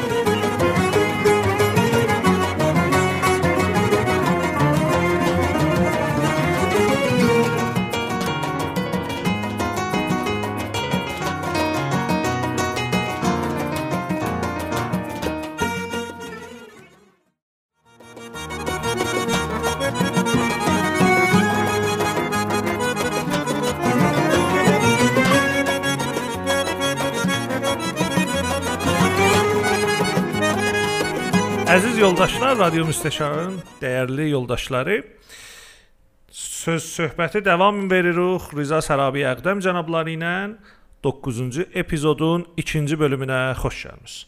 Ayşər abi, 1-ci bölümdə çox gözəl söhbətlər qabağa gəldi və gözəl sözlər eşitdik sizin dilinizdən. Var olun, sağ olun. E, gələk 2-ci bölümümüzdə e, danışaq mücəssəmədən. Siz sözlərinizdə buyurdunuz ki, əsən keçinəcəyiniz, yəni gəlir yolunuz mücəssəmə sazlıqdandır məcmuədarlığın kənarında. Söz söhbət sizdə mücəssəmə sazlıq mövzusunda. E, çox söyürəm ki, biləm işləriniz buracan şəhrin haralarında e, görünübdü, nümayişə qoyulubdu. Və əslində mücəssəmə sazlığa siz nə cür baxırsınız? Ərz olsun, mücəssəmə sazda mən bunu qəbulən deyim ki, bizi mən iki qaydaşıq, biz əlbəttə iki qaydaş bu işə məşğuluq. Yəni bu Sərabiyərdən məndən sih qaydaşdır, bəli o mücəssəmə sazda vaqəən ustad kardır. Pəs bir, yəni, bir bərnamədə bəli, mən elə təqaüd edirəm. Hətmən, hətmən. Vaxtalıq Yaqubdan o tüm qəşəng sözləri vardı. Mücəssəmə sazı mövzusunda gözəl sözləri vardı. Bəli, xop, mən bir balaca işarə eləyim. Mücəssəmə sazda da biz necə ki də Dedim təkin bu məcmuədarlıqda tarix mənə çox əsər qoyubdu. Mücəssəmə sahəsində də elə bu kitablar və tarix çox bizim bu işimizdə əsər qoyubdu. Məsələn, biz heç vaxt sifariş qəbul eləməmişik o surətdə. Səy eləmişik biz tarixin bətnindən mücəssəmələri özümüz ixtisas eləyək və düzəldək. Yeri var mən burada yad aparam rəhmətli cənab ustad Səməd Sərdariniya, doktor Səməd Sərdariniya ki, mənim bu mücəssəməsazı işində bizə çox beqo dedi. Bir dənə bir işıq idilər, bir dənə bir yol göstərirdilər. Bunların kitablarından çox istifadə edilmişik. Məsələn, biz o Kolonel Pesyan, Həvapeyma Kolonel Pesyanı ki biz işləmişik mücəssəmə bəli Xələban. Mən onun kitabından oxumuşam. Yəni yadımdadır ki, o kitabı oxudum. O qismətini oxuyandan sonra gəldim Yaquba dedim ki, çoxlarının sözüdür 15 il qabaq. Dedim Yaqub, biz bu qədər Səttarxandan, Kəbla Hüseyn xan Bağbandan, o yandan bu yandan mücəssəmə işlənibdi. Kolonel Pesyandan heç zad işlənməyibdi. Bunu oxusan görəsən bu nə cür adamıdır, bu nə eləyibdi. Yol. Xub bilirsiniz ki, mücəssəmənin yanında gəl bir eleman yola ki, o şəxsiyyəti istəyə mərif eləyə. Məsələn, Səttarxanın mücəssəməsini istəyəndə ki, əlində tüfəng ola, atın üstündə ola. Rəhmətli Ustad Şəhriyarın mücəssəməsinin əlində gəl kitab ola. Bu Kolonel Pesyan əvvəl Xələban İranıdır. Bunun tənha elemanı ki, eləyə bilərdik yandı işləyək bir dənə hava peyma idi. Bəli. Mənim öz nəzərimdə hava peymanın bir balaca tikəsi idi. Mən bu sözü deyəndən bir saat sonra gördüm Yaqub gah taxta götürüb o yan bu yan ölçür. Deyim Yaqub nə gəlirsən? Xeyr ola. Deyə hava peymanın kabinindən də adresini çıxardım. Deyə necə deyə mən istəyirəm düzəldim. Sən qəşəng fikir edin mənə. Kolonel Pesyanı biz başlayaq işləyək. o start vuruldu. Bəli 4-5 il bunun üstündə biz təhqiq elədik. Pesyan kimidir? Hardan başlayıbdı? Almana nə cür gedibdi? Be həddi biz bunun üstündə təhqiq elədik ki, birdən danışgah Məşhəd, danışgah Məşhəd bir dənə e, həmayiş təşkil vermişdi. Biz cüz və Bəsəx orada mehmanlarla birgə idik ki, orada suxənranə eləyəcəkdik filan Pesyanın moridində. Biz bu hava peyması bir dənə böyük risk idi. Hava peymasının cəng cahani əvvəl 2 2 qanadlı dobalə bir hava peymadır libası xələbani ilə. Bunu biz düzəltdik. Çox müsibət ilə, yanında çox müxalifət var idi çox belə gülməli müxalifətlər. Birdən gəldilər, dedilər ki, bunu libası xələbanıda vurmayın. Libası jandarmeriyə məsələn o zaman vurmayın. İndi libasdan. Baba, ola bilməz. Cəng cahani əvvəli. Biz o libaslarına görə birdən Almandan kitab təhiyyə elədik, gəldi. Hava peymanın modelini düzəltməyə biz Almandan onun təyyarəsinin nəqşələrini istədik. İnternetindən aldıq, gəldi. Onu biz elə dəqiq düzəltdilər bu peymaçebi. İsfahanlı Xələban gəlmişdi. Deyirdi ki, buna motor qoysan uçacaq. Aerodinamik işlərin hər zadın riayət elədik. Əndazə vaqiəyi bir dənə havapeymə. Muvafiq də yox idi ki, bu şəhərə qoyulsun. Çoxları müxalif edilər üçün ehsas edilər bu bir dənə əfsər jandarmeriya Rıza Şahdı da bilmirdilər ki, baba bu bir dənə mübariz idi, nə eləyibdi. Hala biz müvəffəq olduq hava peymanı mücəssəməsi ilə nəsb elədik. Vurudiyə Beslah Mələtdən gələndə Təbrizə. Ya məsələn o Sərbazan qomnamə məşrutə biz Şilə dediyim təkin nə qədər o bunun mücəssəməsi. Bilirəm məşrutənin cəngində Təbrizin o qomnam cəmaəti, ikinci cəmaət olmasaydı, Səttarxan Barxan bir iş görə bilməzdi. Öcürdü. Bunlar gərək köməkli olaydı. Biz gəldik biz Səngəri Tubxanəyə məşrutə düzəldirdik. Bu qomdan sərbazların əhslərindən istifadə elədik. Və çox cəlibdir. Bir əksidən biz götürdük, dedik, bunu işləyək, bunu işləyək, bunu işləyək. Yadımdadır biz bunu vəsl eləyəndən sonra bir nəfər gəldi dedi ki, mən sizdən təşəkkür edirəm. Mənim böyük babamın mücəssəməsini işləmisiniz. Deyib sən böyük baban kimidir? Əksi gətdi qoydu, deyib bu əksi, bu əksdə. Dedim mən bu əksidən istifadə eləmişəm. Biz bilmirdik, amma onun böyük babası bir dənə topçu idi o zaman, sərbaz idi, pədai idi, onu işləmişdi ki, o da rastda sənin ağzında vəsl olub. Ya biz gəldik Allah səlamət eləsin cənab ay müdəbbir, mən şəhridaran Təbrizdə mən bu ay müdəbbirə, ay mühəndis Əli müdəbbirə çox tərəzüş qailəm üçün vaqəən bəzi işlər görüb ki, Təbrizdə qalarlıdır. Gəlibdi dərvazəyə qədimi Təbrizi ehya eləyib. O zaman ki, müdiri məsəl şəhərdar məntəqə 8 idilər. Ya məsələn tərbiyəti behsaz elədi, bir dənə bir piyadə rahat təbdil elədi. Onda gəldi yadımdadır mənə zəhvir keçirdi. Düzə bir qədəm vuraq tərbiyyətdə. Biz qədəm vuruduq, deyir ki, burada neynəmək olar? Deyir, mayə şəhərdar burada gəsən e, bəzi o qədim şoğullar var, onların mücəssəmələrini burada verək işləyəsinlər. Verməyin eş mən işləyim. Verin ayrı adammışam. Bəli, burada mücəssəmələr çox girayət olacaq. Necə bəlkə girayət oldu da. Tərbiyyət hər kəslər Təbrizə olanı bir əks salar. Tarixi tərbiyyətdə tərbiyyət qədim pinəçilərin yeri idi. İndi də bir dənə pinəçi qalır. Sonra başmaq buruş oldular, başmaqçı oldular. Bir dənə pinəçi qoyaq. Qədim əvvəlin Səlmanihay modern tərbiyyətdə idi ki, müsəddiq zamanında gedərdilər, başlarını yağlardılar cavanlar və qol deyildi o modern halətdə. Əvvəllər tərbiyyətdə idi. Bir dənə Səlmani mücəssəməsi işləyək. Bəstəni sazdan ondan sonra bu cür daha ki gəldik e, biz tərihlərin çəkdik, etodların verdik ay müdəbbirə və e, onda biz bir Bakıda biz iş tutmuşduq mücəssəmə işi. Yaqubla biz məcburduq Bakıda gedək o işi qutaraq təhvil verək. Ona görə mücəssəmələrin 5-6-sını elə həmkaylar o tərihləri ki biz vermişdik, onları piyadə elədilər. Sonra gəldik axirdə də əkkası özümüz işlədik və onun idaməsində Mirab mücəssəm. Mirab mücəssəməsi çox cəlb idi ki, qədim Təbrizdə lülə keşişi lüləkeşlik yox idi. Qədim boşqalarda suyu, Gəzdan çeşməsindən, Şatırəlidən, o yandan bu yandan təmiz qovara sular gətirərdilər qəpələrə, qənnadılara, bəzi evlərə su paylardılar. Bu bir dənə bir raic şoğullardan biri idi, peşələrdən biri idi və Biz bunu dedik ki, mirabı işləyək ki, boşqada su aparır, satsın atı ilə, zadı ilə. Bu projeyi biz dedik və mor müvafiqəti şəhərdarı qərar tapdı, bunu işlədik və gəldik biz bunu məqsudiyyədə e, xanəyə Nikdelin qabağında qoydu. Bəli. Sonra da mütəvəccüh olduq ki, elə xanəyə Nikdelin qabağında bir dərbəki var, orada bir kərvansara var idi. Mirablar boşqaların gətirərdilər, gecələr orada saxlardılar. İttifaqı halətdə. Sonra gördük ora onların məhəllələri idi. Var da bu cür muzələrdə zətdə bu mücəssəmələri işləmişik və bunlar nə hədəflərimiz vardı? Bu muzə mücəssəmələri işləmək nə hədəfimiz var idi? Bunları inşallah Yaqub gələr, tozih verər və Həttəmən qulluqlarında olacaq. Mücəssəmə çox təsiri vardı. İndi biz befərz məsələn doktor Mübəyyinin Allah rəhmət eləsin mücəssəməsi vurulub ora. Talğanıda da, Talğanca. Bəli, bir dənə bir dənə məsələn uşaq dədəsi ilə gedir, atasına deyir ki, bu kimdir? Ata gərək ona görə bir oğluna, bir uşağına bir itilat verə. Əgər bilsə, deyəcəkdi ki, bəli, bu bir dənə döktürüdür, həkim idi və yaxşı adamıdır, yaxşı insanıdır, bu cür xədəmat əncam veribdi, bunun mücəssəməsini qoyublar. Əgər bilməsə, gedəcək onu mütaliə eləyəcək, məcbur olacaq ona bir mütaliə eləsin, gəlsin uşağını onu yetirsin və uşağı bilsin ki, bəli, bu da yaxşı olsa, bu da bir xədəmatı əncam versə, bunun da mücəssəməsi düzəldiləcək. Biz o Kolonel Pesyanın mücəssəməsini qoymuşuq ora. O bir dənə nimatdır ki, bəli, bu bir dənə mübarizədir, gedibdi əvvəl əvvəlin xəlqan İran da əvvəlin İranlıdır ki, musiqi İranın nota təbdil edibdi. Biz onun mücəssəməsini qoymasıq, sabahları o bizim zamanlarımız Arnolddan təbəyyət eləyəcək, Michael Jacksondan təbəyyət eləyəcəkdi. Onları özünə uyğun qərar verəcək. Biz gərək bunları verək cəmaətə, bu hissi verək ki, bəli, bizim bu qəhrəmanlarımız var və bu uyğulardan istifadə edin. Yaşayasınız. Çox da gözəl, çox sağ olun. E, Aysər abi söhbətlərinizdə muzələrdən danışdınız. Və buyurdunuz ki, məcmuəzə yığdıqlarınızı çoxlu parçaları muzələrə dağıtmısınız. Azərbaycanımızın və Təbrizimizin muzə vəziyyətindən danışaq. Necə ki bilirsiniz, Təbriz şəhri muzəha indi bəli, bəli. Yəni siz İsfahanda bir dənə muzə tapa bilməzsiniz o surətdə. Özürdür. Adi İsfahandır. Binahı tarixi çoxdur. Vəli muzəsi yoxdur.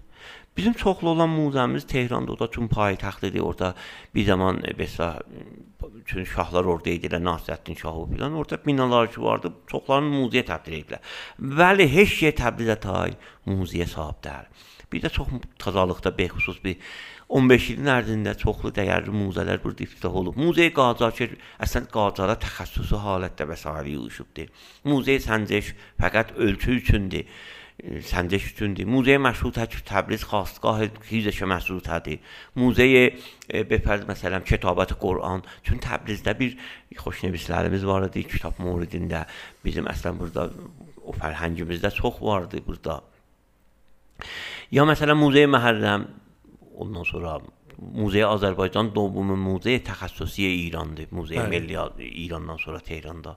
Ona görə bu caygahı çox yaxşıdır və e, getdikcə də yaxşılaşır. Bəxüsusda bəzi xob müdirlər gəlirlər ki, e, həm müqəmmiləri xoşbəxtanə məsələn indi Ay Döktür Abdar xoşbəxtanə bu təsəddi müdiriyyəti rəyasət Sazmanı Miras Fərhəngi əlinə alıbdı. Çox binişləri açıqdı, çox yaxşı binişləri vardı, çox yaxşı e, bu muzə müridində e, belə bərxurd edirlər. Mən bükük cələsə bilələri ilə olmuşam. Bükük cələsə kullan məndən himayət eləyiblər. Muzey məşağıl düzəldəndə nə qədər deyirsiz məndən himayət elədilər. Bəli, onların əlində dərdi ki, muzey məşağıl şəhərdariyə mərbutudur.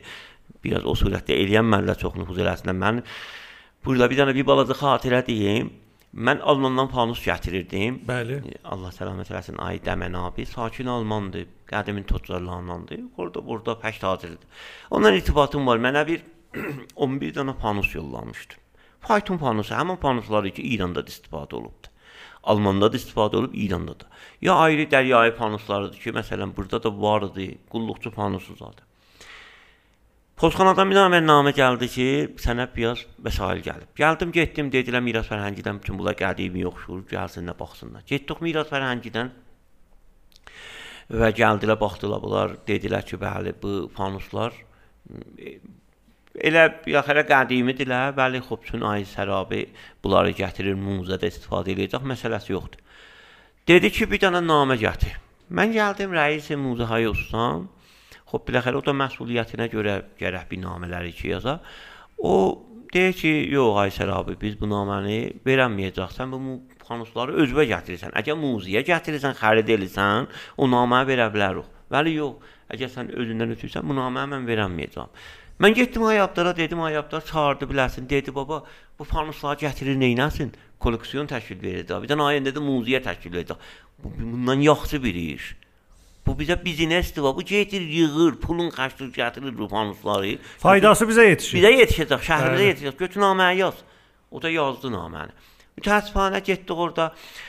Oranın gömrüyü təmkin eləmədi, dedi, yox, bu namə ilə mən verə bilmərəm, sən gəl gömrük verəsən. Mən etiraz elədim, deyir ki, da sərpərəstimizi gör. Sərpərəstimiz hardadır? Furutqahdadır. Ad vermirəm. Getdik Furutqahda rəisi gömrüyü Furutqaha. Dedi, bunları mən verəmərəm sənə. Əslində heç gömrük də versən vermirəm. Əcəb. Dedim, ay. A, söysəz ad verin ha, bizim üçün Dedim, ay. məsələsi yoxdur. Mən bunlara 100 euro kirayə vermişəm. Bunlar 100 euro da gəl verəm gedək. A, lütfən ad verin də. Adın adın yadımdan adı o qədər biləsindən xoşum zaman- gəlmirdi ki. Hər zaman adı yadınıza düşsə buyurun. xoşum gəlmirdi, adı da yadımdan çıxdı. Yəni Çünki bilirsiniz, əgər istəyirik bir sədaqətli tarix keçək, gərək bu insanların adı Bəli, deyilək. adını taparam deyərəm belə. E, bunu da deyim ha, cavab Sər abi, mən sözünüzü bir kəsirəm, bağışlayın. Hər kəsin ki adı bizim bərnamələrdə keçirik, eləyə bilər səsini zəbt eləsin, ya gəlsin bura sözün, bəli, sözün yetirsin eşidilən Mən qulağına. bir dənə bir kado apardım. Bir ərki mücəssəməsin kado apardım beləsinə, getdim bir filan. Tün naməm məndən qabaq yetişmişdi. Mən kado çıxardanda deyim Sərabiyəm. Kado deyə qalsın istəməz. Deyim çöş başdı. Deyim ay mən bu e, Almandan panos gətirmişəm filan. Deyə, "A, niyə gətirmisən ola?" Deyim, "Gətirmişəm muzeyə filan." Deyim, "Mən ola qeyd edəcəm, sənin haqqın yoxdur la gətirəsən." Dedim, "A, bunlar qədimi vəsaitdir, bunlar mən gətirirəm. Sənin uşaqların, sabah sənin dostların, öz ovladların gəlsin. Çox-çox tohinamiz deyirsən, bihud eləmisən, gətirmisən mənim panoslar." Biyo. Dedim, mən buna nə qədər təvəccüh verdim, bu qəbul eləmədi. Dedim, mən oğlan qeyd edəcəm. Siz bixud bu işi görürsüz. Əslən ərziş qaydədir ki, bizim fərhəngimizə bunlar da lazımdır. Deyirsən, yox, həzinə vermisən, sən İranın ərzini çıxartmısan, vermisən Almana, oradan qədimi vəsait gəlsən. Nə faydası var? Nə edirəm bu panoslar gəldi. Gəldi mənim cəmaət gördü, nə olsun? Muzələrdə bunlar qoyurlar, nə olsun? Əslən gördüm deyidqahı çox fərqlidir. Hala mən ayrı bir kanaldan varid oldum biləxərə fərmandarlığın, ustandarlığın təvəssüsü ilə kollu rəisi qomruşa zəhvırdılar, onlar ona zəhvırdı. Rədd elədi, hirslə verdi. Bəli, qəbul elədi, bunlar biləxərə gəlsin. Vücud adam namızda var. Ya şəhərdarlığın özündə mənim özümə bir dənə məsələn deyil. "A, nə olsun bu muzey məşağını neyinirik?" Neyinirik ora düzəltdin? Nə olsun, gəlsin də Baxın, görsünlər bir, ay Sər abi, sözünüzü kəsirəm. O insanlar ki fikr elirlər bəs ki, bir dənə şəhər fəqət xiyavandır, zirgüzərdir, pasajdır, bilmirəm mərkəzi ticaridir. O əsən dərki çəkmir ba ki, muzə bir dənə şəhrə, bir dənə kəlan şəhrə müddəiyə bir dənə muzə lazımdır. Və heç onları da qınamaq yeri yoxdur ha. Bunlar hansı nizam amuzişinin pərvərişi yaftəsidirlər ki, hələ intizarımız o. Dərdimiz budur ki, iş başındadılar. Başda bilmirlər. Mənə döndü deyir ki, ha, mənim şəhərdarlığın vəzifəsi asfalt salmaqdır. Şəhərdarı muzəni eynir. Muzəni də özüm dedim, ağa, siz tamam dünyada hər yerə getsiniz, şəhərdarlar indi boynunu alıblar. Miras fərhəngi kavuş zəminəsində, mələmməs zəminəsində. O da qəşəng fəaliyyət eləyirlər. Vəli bu muzəhay xanəgi, muzəhay mədəni muzələri şəhərdarlar siz gedin deyim İstanbula, Bəli. orada bileti alın. Gedirsiniz Topqapıda muzeyə yazıbdı şəhər bəl İstanbul bələdiyyəsi biletində. Şəhərdarlar bunları öhdəsini alır. Sən sabahları bu cəmaətə bu düşünə cavab verməsən, bu cəmaətə göstərməsən ki, bizim mədəniyyətimiz nə mənadır, muzələrdə bizim ata-babamız nə cür təlaş eləyiblər, bunlar yığıblar. Oturur xətti vahiddə səndəli cırar. Ağacı yaralar. Bunlara gərək biz dərs verək bunlara. Gərək biz keçəcəyimizdən bir görsədək kimidik, nədirdik. Əgər sən deyirsən bizim işimiz isfatdır və sən məsələn deyirəm mən traktor Kaşa saldım. isfaltı barı düz vuralar axı. Bəli. Mən traktor saldığın özüm həvadarıyam və iftixar edirəm ki, bir dənə traktorçuyam. Bəli, sən bən niyə 2 milyard traktora köməklik edirsən, ay şəhərdarı? Bəs bir daha fərhəngi işləyirsən də, asfalt vurmusan ki, xop bu da bir dənə fərhəngi işləyir. Çox düzdür. Gəl himayət elə bundan. Fərhəng sərəlanı niyə qoymusan? Şəhərdarın vəzifəsi əgər asfalt salmaqdır, şəhər fərhəng sərəlanı niyə qoymusan? Sinemalardan niyə pul alırsan? Əvariz alırsan. Bu da mumzə də lazımdır. Mütəəssifanə bizim bu didiqahlar vardı. Düzdür. Və bəziləri vardı ki, daş atırlar qabağına. Ki hazır bahis oldu mən bu dərdi sərdə düşdüm. İndi ona racədə Bəli, danışacağıq. deyəcəm. E, Vəli sözlərinizdə ay Sərab bir dənə qəşəng nöqtə vardı. Mən mənim yəni çox ümidvar elədi özümü. O da bu ki Təbrizdə muzələrin vəzi yaxçıdır və get-gedə də yaxçılaşır. Qəşəngdir. Bu çox təlaşımız budur ki, bundan da çoxaltın. Təbrizdə çoxlu məcmuədə ilanımız vardı ki, bunlar çox səy eləyirlər yaxdı məcmuələr yığsınlar bunların neçəsini mən özüm ad vermirəm, təşviq eləmişəm ki, baba gəlin məcmuə dairlik kart alın, məcmuənizi səbt eləyin. Gedin dalısıcan. Bunlar heyifdir. Bunlar sədd olsa yaxşı olar. Əvvəl qorxurdular, sonra çoxları gedib məcmuədarı kartını alıblar. O məcmuədarı hardan başlar? O kartı dediniz mənə sual Bəli, oldu. Biri ki, bir dənə məcmuə yığırıb. Bu ki, əlbəttə bir şəraiti ola, bunlar gərək bir qədim olarlar, ondan sonra seri olarlar. 4 dənə, 5 dənə ilə heç vaxt kart almaq olmaz. Bu gərək heç olmasa bir 50 qələm, 100 qələm o cinsidən məcmuəsi ola. Tabi dərxast eləyə miras fərhəngi təvəssütü ilə Gəlirlər, baxarlar, bazı eləyirlər və görərlər, bəli, bunun ərcişi, məcmuəsi vardır.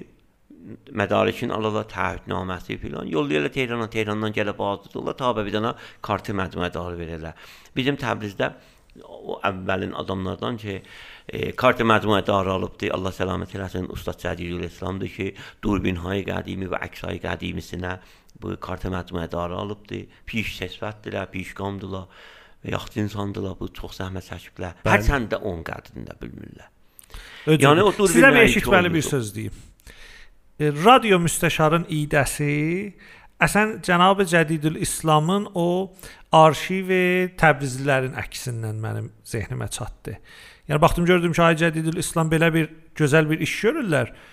Təbrizdə hünər sahəsində, fərhəng sahəsində hər kəs ki çalışqandır, məmulən Ay Cədidül İslam dəvət edirlər və əksini salarlar Düzdür, və onu arşivlərlə hər zaman da lazım olsa gedib o arşivdən istifadə edirlər.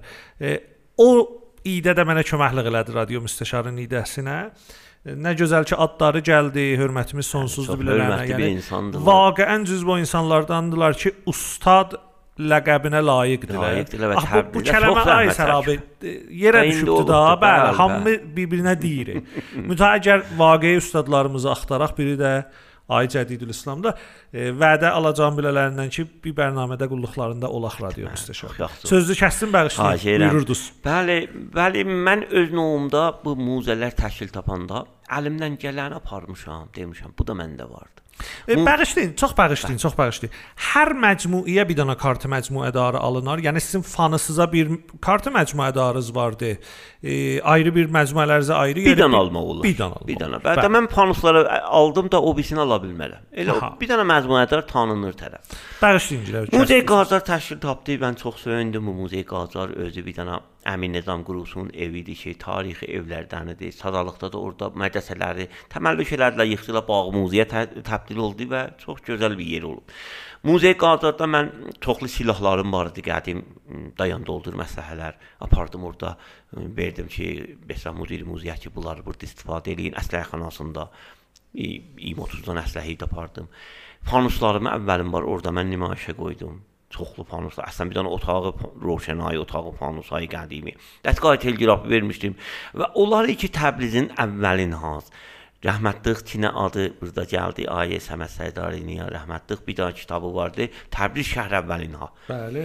Mən o kitabdan ay istifadə eləmişəm və o kitabı özümə olğu qərar vermişəm və Təbrizin əvvəlindən yığmışam.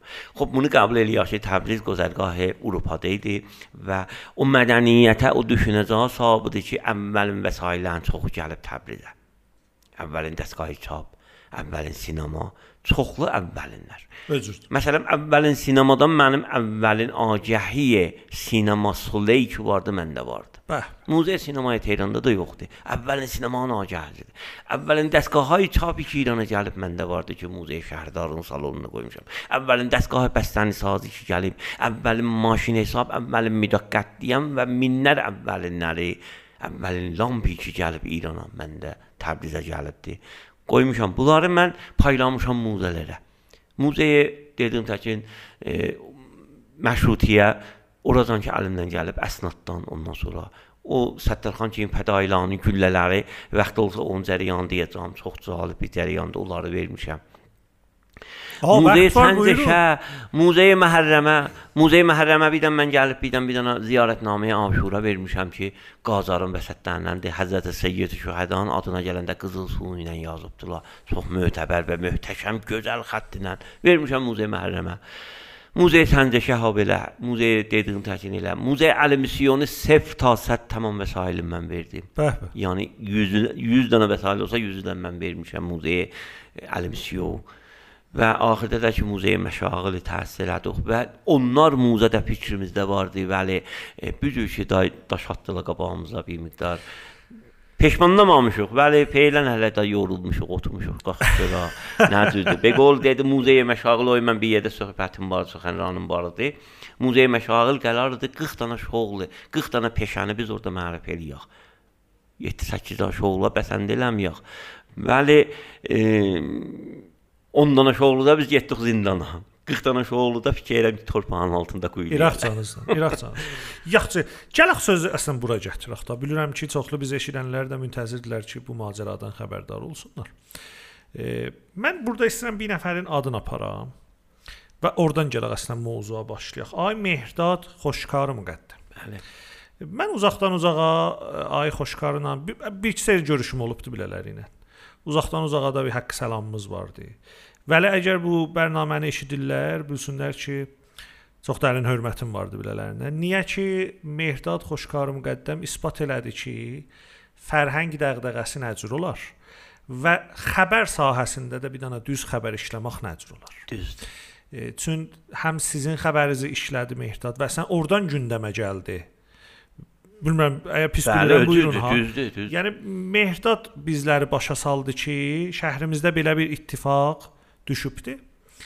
E, Bir dənə də hörmətli hünərmənd ailə ki, Hindistanda giriftar olublar. Onların da xəbərin Mehdad Bəli, Xoşkar yaydı. əvvəlin var yaydı ki, Bəli. Hindistanda qalıb. Və əslən xəbər yəni bu e, var olsunlar, sağ olsunlar ki, belə bir gözəl hərəkətləri başlayırlar.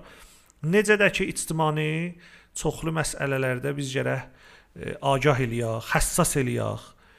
Təbriz elə bir yerdəyir ki, başımızı qara quyulayaq və yataq.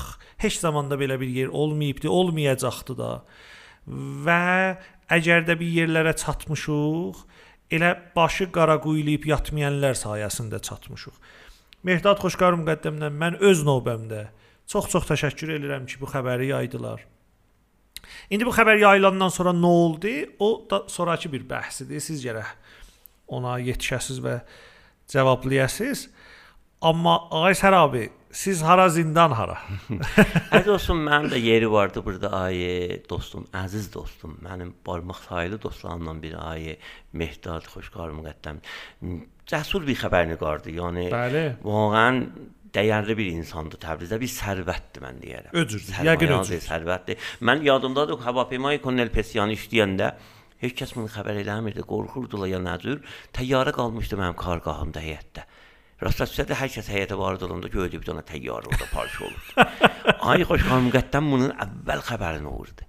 Ruznaməyə sərasəridə vurdu İranda. Patlatdı. Bir dənə bir gözəl xəbər vurdu ki, ay olan Təbrizdə bir dənə köhnə evin vəsətində bir təyyarə oturubdu. Hardasınız siz bə? ki durdular məsullar gəldilər ki, aha bu nə mənadır, bu təyyarə nə mənadır ki, axirdə getdi meydanda bəst oldu.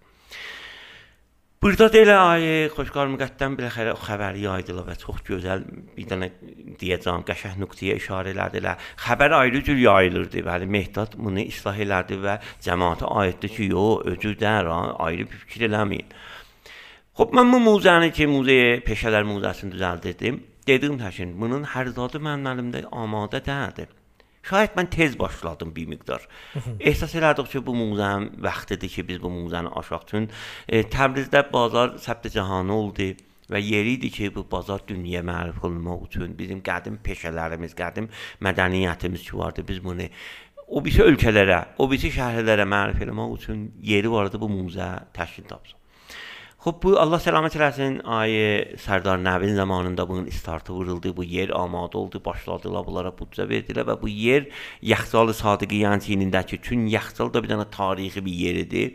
Onun yanında düzəltdik ki, bizim nəzərimiz var idi. O Yaxçalı Sadiqiyanı da muzeyi aba təşkil veririk. Əslən xəbərlərə baxsaydınız, muzeyi aba məşağil idi. Mənim qədim su tulumbaları, qədim əsnadı ki, Səfəvi zamanından Təbrizin suyunu bölüblər, qənatları necə vəqfnamələri zadı. Bunlar varımızdır, qərarıdır orada nümayişə qoyulaq. Su şi anbar şiirləri, əsas suya görə nə mənə var idi biz yığmışdıq, qərarıdır həmin yaxçalda muzeyi aba təbdil olsun. Biz gəldik bir balaca bir mən üçün eşqim fəqət bu muzəni, fikrim üçün fəqət bu muzəni düzəltməkdir. Bar hüququsi, məsələ hüququsuna da fikirləmirdim. Hamı mənə deyirdi ki, dostlardan, "A, bir daha qərardat bağlı, pul almamış bu vəsaiti gətirmə." Dedim, "Baba, öz şəhrimizdə hara gedir? Gedir öz şəhrimizə." Na, amma bu muzəni təkmil eləməyə ehtiyacıdır mən bəzi xəzinələrdə qoyam. Bəli. Məsələn, davaxananın dekorunu gərək düzəldəydik. Çünki yox idi. Davaş belə var idi davaxananın dekoru. Davaxananın səndəli gərək olaydı, nimkəti o zamanın nimkəti yox umudu gərək olaydı. Nəccarı filan şey naqisi gərək olaydı. Dəmirçi dükana görə körük lazımdır. Onu gəl pul verəydim, alaydım. Çox vəsailləri ki, Yəni körük iki ilzamən qədimi də deyir. Bəlkə orada qədimidir, Aha. Qədimidir. Amma onu mən o zaman alamamışdım. İndi gərək onu alaydım. təkmilləşəydi. Dedim vaxtım vardı, bunu da Allahım qoyuyam. Birdən məsələn o Sindani ki vardı, 3 milyon, 4 milyon pulu idi. Bəli. Almamışdım vaxtında. Yox idi, pulum olmamışdı. Amma indi mən gətirib ora bir də balaca Sindan qoysaydım, muzə zəif olardı. Onun gərək Sindanı da o muzənin o bu xəttinə görə olaydı. Yaraşıqlı olaydı. yaraşıqlı olaydı. Orada bir də məsələn Hacı Məmməd Han Rəxtivanlının Allah rəhmət eləsin. Onun qurfəsində biz istəyirdik miz qoyaydıq, miz təhrir. Də gətirib bir dənə bir məmuli miz təhrir qoymayaydıq. O böyük tacir idi. O böyük insan idi. Onun gərək miz təhriri də onunla yaraşıqlı olaydı. 3-4 milyon pulu idi onun miz təhririnin alması. Qab sandığı ora qoyurduq. Pul istirdi bunlar. Mən Xop şəhərdarda bir əvvəldə bir hesab vermədi bizə, bir pul vermədi. Dedi, "A, gəlin döşəyin də biləxərə muzədir, sən demisən gəl." Mən bir miqdar mütəəssifanə iştiba elədim, borca düşdüm. Bəli. Bir miqdar bəhrəli pulla gəldim, bu işi gördüm. Və həvayin ki, muzib tiftah olandan sonra tipko təfahümnamə itibarımızdır. Biz bunlardan bir pul alacağıq, olsun mən hesabda mənfəət istəmirəm götürəm. Necə ki də qəblən də götürməmişəm mən. O zamani ki apartmanımın pulunu vermişəm. Yəni bir dənə Bamışədə mən bir dənə apartman ala bilərdim. Almamışam. Onun pulunu vermişəm 3 dənə daşa. 24 il, 25 il qabaq 3 dənə daş almışam ki, sənət Təbrizi göstərir ki, bizim o zaman nə sənətimiz var idi? 4000 il bundan qabaq. Ox başlanın qalıbıdır. Dünyanın muzələri onun həsrətindədirlər. İki dənə nəromaddə qalıbdı, bir dənə də butər iki məbaddə muzavi nəci tökərdilər. Bizim bir pəs İranın özündə zob filizat üçün tənha əsəri ki var, hər tərəfində bir dənə köldə indi ora mühafizət eləyiblər ki, burada dəmir əridərdilər, qalıb girərdilər. Dünyanın heç yerində o qalıblar yoxdur. Mən də bilirdim. O zaman 25-26 il qabaq mən bir dənə apartman pulu vermişəm. O 3 dənə daşı almışam. Və onu 13 il ondan sonra gəliblər ayrı ölkələrin muzəsindən gəliblər bunu xərid eləsinlər. Ruznamə Camicəmdə xəbərin yazdı. Neçə dənə də xəbərgüzarlar bunu saldılar. Mən onları satmadım. Mənim də ədilə satam. Onlar İranınki idi, onlar bizim Təbrizimizinki idi. O pulu ki onlar o zaman verirdilər mənim zindəkanlığımı kollan sərnəveştin əvəzlərdi. O pulu ki onlar gəlmişlər oyunki gün mənə versinlər və o 3 dənə daşı alsınlar. Mənim karqahda çıxmışlar bərqimi qət edirdilər. Yəni o qədər pulum yox idi ki, bərqi pulum verəm. Mənim sahibxanam məni icarə nişin idim, ötürmüşdü eşiyə. Mən gecələr karqahda yatırdım. Xanımım da qeynatam kildə qalırdı qızımla. 2 il mən karqahda yatdım gecələr. Gedərdim, gələrdim, nəinki küsül idim. Gedərdim, gələrdim. Vəli müəzzəb idim. Gecələr verən ki, onlarda müəzzəb olmasın, gəlirdim karqahda qaldım. Qal. Əslən vəzi malım yoxdur, amma onları mən satmadım. Kəlam pul verirdilər. Onları mən ehd elədim Muzeyə Azərbaycana. Bəraya həmişə verdim teyyə bir qolnameyi, bir qərardadı, verdim Muzeyə Azərbaycana. Deyim bunlar Təbrizin muzəsinkidir. Heç zət istəmirəm. Bir dənə mənə lohu verdilər, ki, o lohu da bilmirəm hara qoymuşam. Mənə ərziş o idi ki, onlar Təbrizinkidir və Təbrizin muzəsində qalsın. Elə o hiss məndə də var idi ki, bu muzeyə, peşələr muzəsi Təbrizə qalacaqdı ki, olsun borcunla, xərclə. Vəli mən bir dənə batlağa var idi olurdum. Getdikcə nuzul şişirdi. Əgər şəhərdarı vaxtında o təahhüdünə əməl eləsəydi, mən o boş vermişdim, nuzul. Heç zətdə mənfəət götürməsəydim, lağal borcumu vermişdim, boş şişməmişdi ki, mənim o karqayı ki, əlimlə işləmişdim, qardaşım təsadüf eləmişdi o işləyəndə. Onun diyə pulunu gətirib vermişdik, bir dənə heyət almışdıq ki, orada biz işləyirdik. O heyəti nuzul xoş gələ mənim əlimdən Allah. Heç adına. Gələdi ya, sənin nuzulun 30 milyon vermişdim sənə, boş vermişdim. Gəlib olub indi 300 milyon. Bu həyatı və mən əl çəkim biləndən. Həyatı verdim biləsinə. Şahidim də var, Əcəb. sənədim də var. Xoş mən bu nuzula düşdüm, bir üç dənə əfradı sucun toruna düşdüm. Bunlar gün məcun nuzulu çoxaltdılar. Getdim şəhərdarıya yalvardım, ağa, mən boşluyam. Mən gedib Antalyada deyib dolanmamışam. Mən gedib antenanı evlər almamışam, antenanı geyinməmişəm, maşınım yoxdur o surətdə. Mən bu pulu muzeyə xərcləmişəm. Bu borc muzənindir. Gəlin mənim bu vəsailə bir mənə köməklik eləyin, bu pul verin. Mən bu borcu verim, boşdan çıxım mən. Mən dedim, mən eşitdim təsvanə ilə şəhərdarı dedi, bu gün sabah Və sağ olsun ay Bahir biləxərə gəldi, burada dedi ki, "A, gəlin bu muzəni verin sərabiyə, pul da verməsiz. Verin sərabiyə, sərabı buranı işlətsin bizim işimizlər və buranın aidatından gəlsin və buranın boşluğunda versin, buranı da irtika versin." O dedi və dəstur da yazdı. Ay Paşnahad, Riza Paşnahad ad qərardı verək qərardı. Narahat olur olsun. Bu gəldi şəhərdarı məntəqə 8 idi. Əvvəldən elə müxalifət elədi. Amma muzəni yox, mən yaxtalı verə bilmərəm. Dedim, ay paşinat, yaxtalı verəməsən, muzəni mən muzədən mən o dəramədi sahib olamayacağam ki, gətirəm bu boşdan çıxam. Muzənin gəh kollarını mənim ixtiyarımda qoyasan. Əslən mən gəldin yaxtalı vermədim. Muziyə mən bilet satdım. Sabah biri gəlir sənin yaxtalı sən özün işlədəcəksən. Biletin sən alacaqsan. Bu təbkik eləmə olmaz. Bir dənə vuruldusu var buranın. Burhan gərək bir nəfər olan mütəsəddisi. Qəbul eləmədi. Yox, sən öz təbəqəmə sat. Deyim öz təbəqəmdən axı mən dərəmət götürə bilmirəm ki. Şəhərdə demişdi ki, bir daha da bir balaca icarə qoyun bura. Bir zaman gördük, o qarşınas gətiriblər, bura icarə. Qarşınas gəlib deyir, ha, burada bir dənə davaxana, bir dənə dəmirçi, bir dənə ticarətxana, burada 10 dənə dükan var. Dükanın metri bazarda bu qədərdir. Amma 20-30 milyon da mənə gördüm icarə təyin orada. Baba mən davaxanada dava satacağam, mən əttar dükanında əttarlıq eləyəcəm. Mən bunları nümayişə qoymuşam. Mən gəlib cibimdən hələ burada icarə verəm. İnanmaq olmur bu. Əslən inanmalı da əvvəli bu işlər oldu. Tanrı ki mən etiraz elədim. Etirazımız da bahis oldu ki, qoymadılar muziyə. Muzəni seçan götdü ağzına. Mən orada yetişirdim, gündə muzəni silirdim. Bunlar Muzənin gəliri var idi. Bəli. Gəliri var idi Muzənin. Bir Bəli, şey başlamışdı. Qəşəng mən orada Creative Morning saldım, bərgüzar elədim. E, Allah səlamət eləsin, ay Zinətin bərnamələri gəldilər orada və Usta Zinəti də Təbrizə bir dənə böyük sərvət. Özürdür, özürdür. Oğlan sərvətdir. Çox dəyərli insandır. Onun əli ilə biz orada 2 seri, 3 seri Creative Morning sopayı xəllaqı saldıq. Bəli. Ay Zinəti narahat olurdu. Niyə? Mən orada zibil yığırdım. Götdə etiraz elədi ki, şəhərdariyə, ağa, bura bilirsən kimlər gəlir? Burada gəlirlər cavanlar, bu bərnamə icra olur. Bu bir dənə bir dənə bir nəfər qoyun buranı təmizləsin. Cibimizdən zibil laylonu alırdıq, gətirirdik orada zibillər salsınlar. Bir dənə ora bir düzəmənli bir gəlsinlər, yetişsin. O da yox idi. Elə bir vəzifəmizdir. Necə ki də şəhərdarı ehsas eləyirdi ki, muzə mənim vəzifəmdir bura. Mənim vəzifəmdir gələm, həyatımı satam, törəmdən kəsəm, gətirəm bu muzəni qoşam. Vəzifədir deyilir. Dərhal ki, yox, mən o fikrin sahibi idim. Mən ayrı ölkələr mənim dalımcanıdır. Ayrı şəhərlərdən. Amma dedim, yox, elə Təbrizdə. Qoy da bu Təbrizdə olsun, bu iş Təbrizdə olsun. Amma ərziş vermədilər. Mütəəssifانə daş atdılar qabağımıza. Təəssüfənə o iki gərək olaydı, olmadı və bu boşluqlar bizi tora saldılar. Bir miqdar e, giriftar olduq. O iki gərək olmayaydı, oldu. Sonra da şəhərdar atıldı qabağa, gəldi qabağa ki, "A, mən himayət edirəm, mən amma da iş işdən getəndən sonra himayətin Bəli. faydası yoxdur.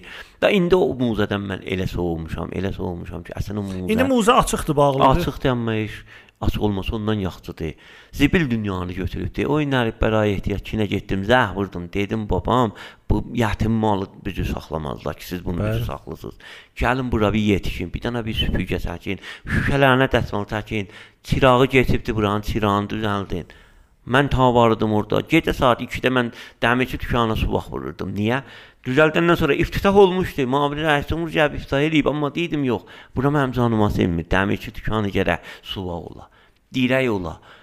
Bunları mən gecə gündüz orada işləyirdim. Elə ki də mənim qoydu, qədan elədilər, İraddan tutdum. Dedim, ha, orada siçan gəlib fəziləsindən gedim baxın.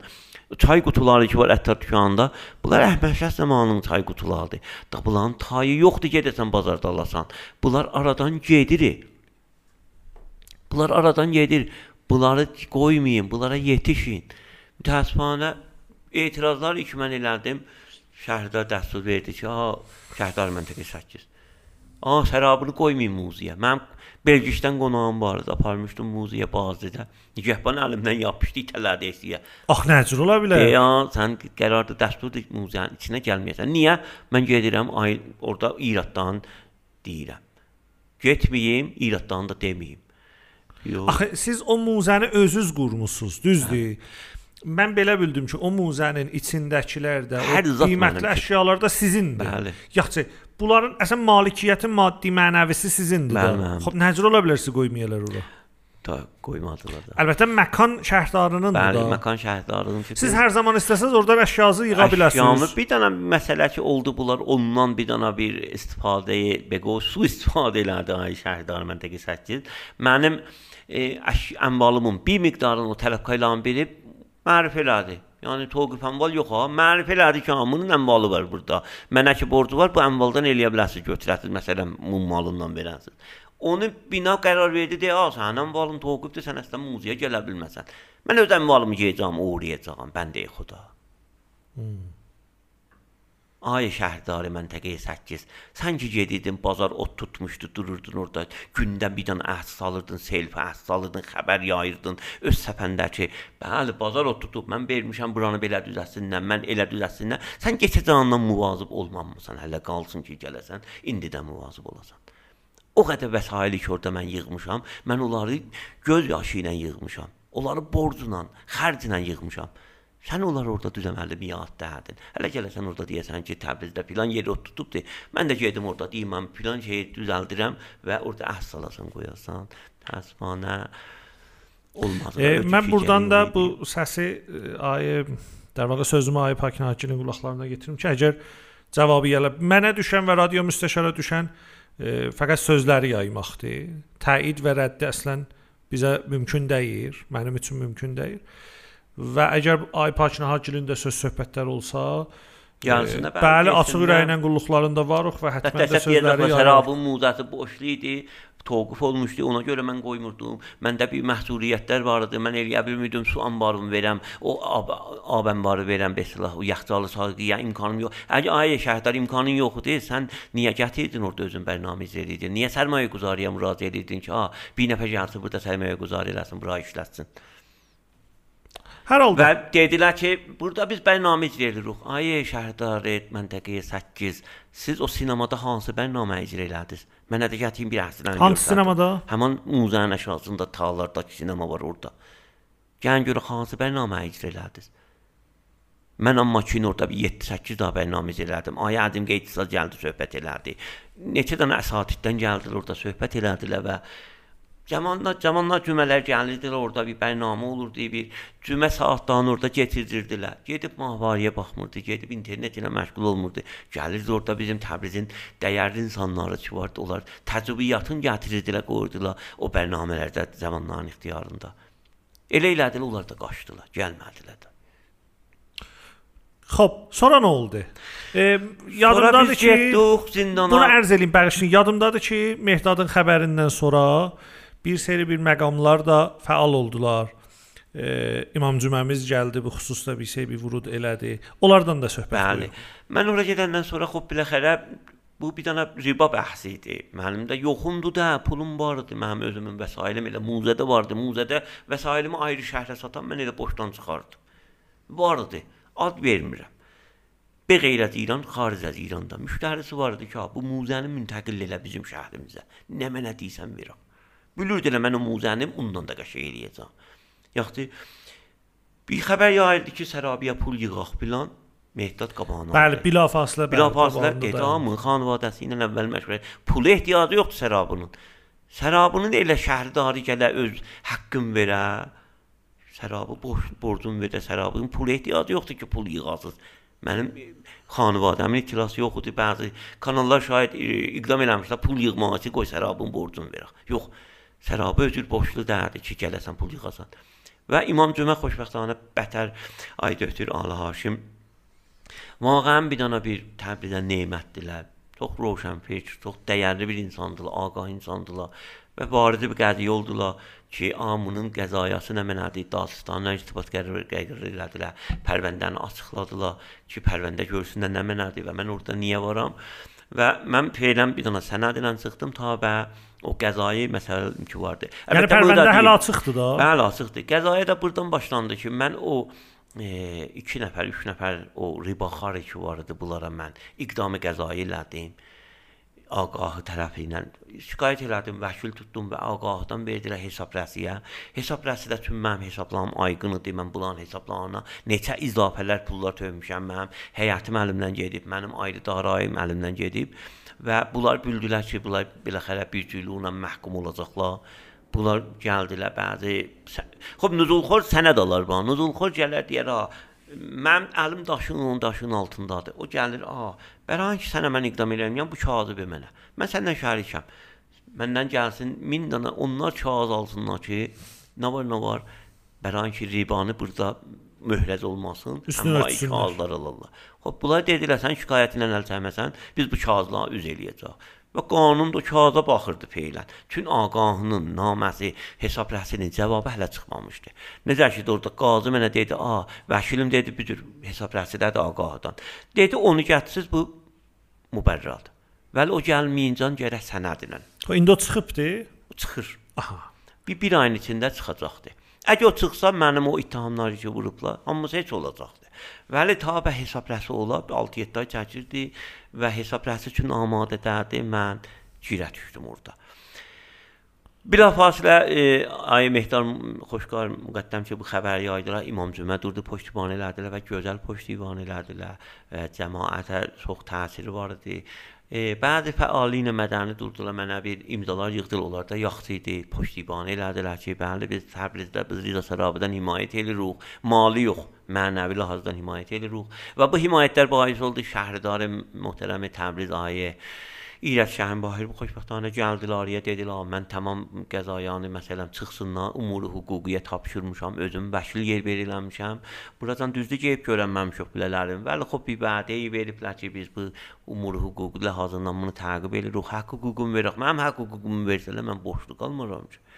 Dediyim tək ki, mən bu burda aparıb xaricədə xərcləməmişəm, maşın almamışam. Mən bu muzeyə xərcləmişəm. İndi borca düşmüşəm, olsun. Bu muzə də qalacaq Təbrizdə. Mən mənfəət götürmürəm. Şəhərdarı saatda olsa bu muzə qalacaq Təbrizdə.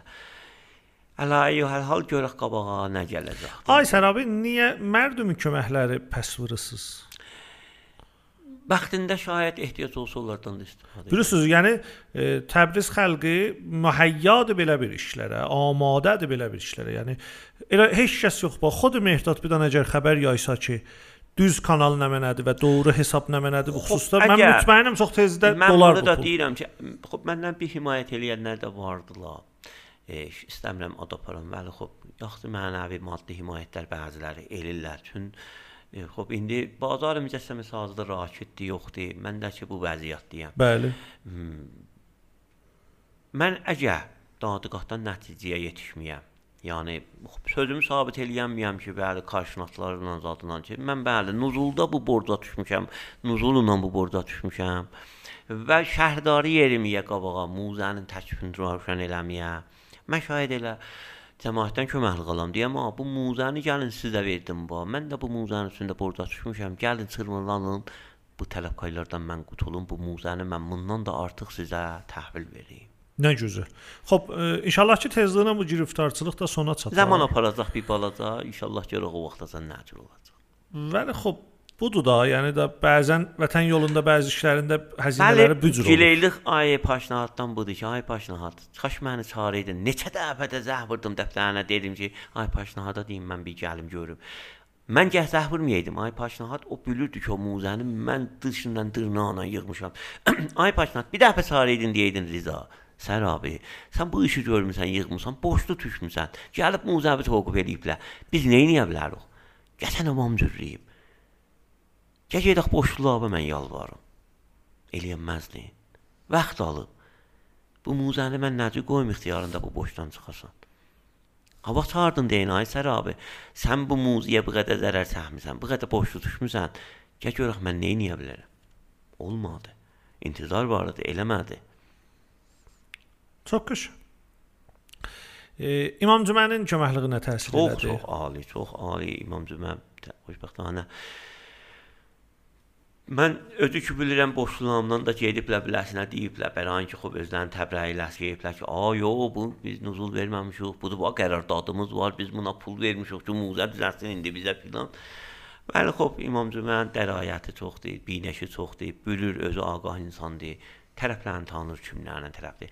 İmam Cümənin çox müsbət nəqşi var idi, zəhbirdir və e, dastanı Təbrizə ki, bu hünərməndidir bunun məsələsinə vicə yetiş və o da bir dənə indi şöbəyə vicə təşkil veribdi.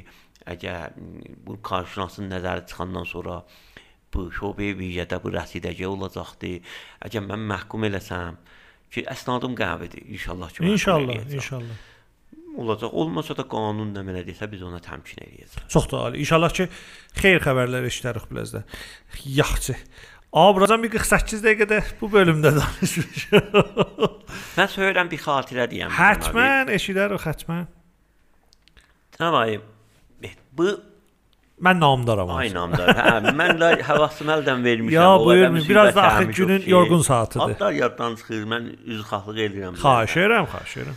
Bu məcmuədarlıqda ki mən getmişəm, o birisilərlə ki deyirəm fərqim vardı. Bəzi vaxt Aydıncan, bəzi vaxt mən tarix et, nəhubdə Təbrizdə bəzi yerlərdə əl tapmışam. Bəli.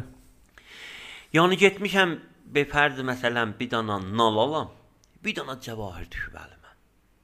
O cəvahir də Təbrizin ilkin tarixidir. Bir dana misal vururam. Mən Ətiqətçilərlə ki aramsazdır, bülüllə onlar mən nəcür vəsailin dalısın deyən. Bəzi vəsaillər ki hər adam almaz, bülüllər ki sərabı səfehdə olar alacaq. Sərabı onlara pul verəcək. Sərabı onlara dəyər verəcək. Allah rəhmət eləsin. Bir Danışar xiyabanında ayə əlfəyi var idi. Nə yaxşı insanıdır, nə gözəl insanıdır. Ətiqə puruşudur, bəli tüksü düz adamıdır, münsif adamıdır, insaflı adamıdır. Bu zəvurdu mənə deyir ki, Rida qardaş, elə bir cür deyərdi, Rida qardaş deyərdi. Deyir, Rida qardaş, bir dənə sərneyzə gətiriblə mənə. Sənin xərcindir, gəl onu apar. Çox söyərdim biləsin, qoca bir kişidir. Allah rəhmət eləsin. Həmin o Allah rəhmət eləsin biləsinə və Allah Səttarxana da rəhmət eləsin. Onun mən mücəssəməsini taza çıxartmışdım. Dedim nə yaxşıdır ki, mən geyirəm bunun dükana. Bir daha da töhfə aparım. Mən hara getsəm bir töhfə aparıram. Tənha yer ki töhfə gətirməmişəm feilin. O da bir mərasimdən gəlirdim bura da. Tələbimiz də, tələbimiz gətirəcəm. Hətmən çox sağ ol. Mən Səttarxana mücəssəməsini götürdüm, getdim bunun dükana və geydim deyim, bu da sənin kadondur, töhfədir məndən. Ay ərfəyi. Mən Sərneyziyə baxırdım, bu da Səttarxanı baxırdı mücəssəməsinin əlində. Bir dənə bir sinirli bir qoca bir kişi oturmuşdu. Əsasına təkyə vurmuşdu, əsasına bir baxırdı. Dedi Səttarxanın mücəssəməsidir, həsrətlə dedi. Dedim, bəli. Dedim, mənim böyük dədəm bunun fədaisi idi. Əcəb. Niskilli dedi. Dedim, ay ərfəyi, o mücəssəmə ver mənə bir dəqiqə. Aldım, dedim. Adını da bilmirdim. Dedim, acab, bu sizinki. Dedi, yox, yox, sən onu ona tövbə gətirmisən. Dedim, mən ona sabah gətirərəm. Bunu mən söyləm sizə verəm. Sizin böyük ataz ki, fədai idi. Bu gərək sizə yetişə. Dedi, sabah həttəmən gələcəksən. Mən ağah insanam bu mouridlərdə. Bildim ki, bu mənə istəyir bir əvəz versin. Bəli. Dedim, həttəmən gələcəm. Dedi, neçədə deyim, saat 5-də buradayam. Bəli. Dedi, yaxşı, gətir. Mən beşər timini alıram ki, sən sabah 5-də buna bir dənə tövbə gətirəsən. Dedim, yox.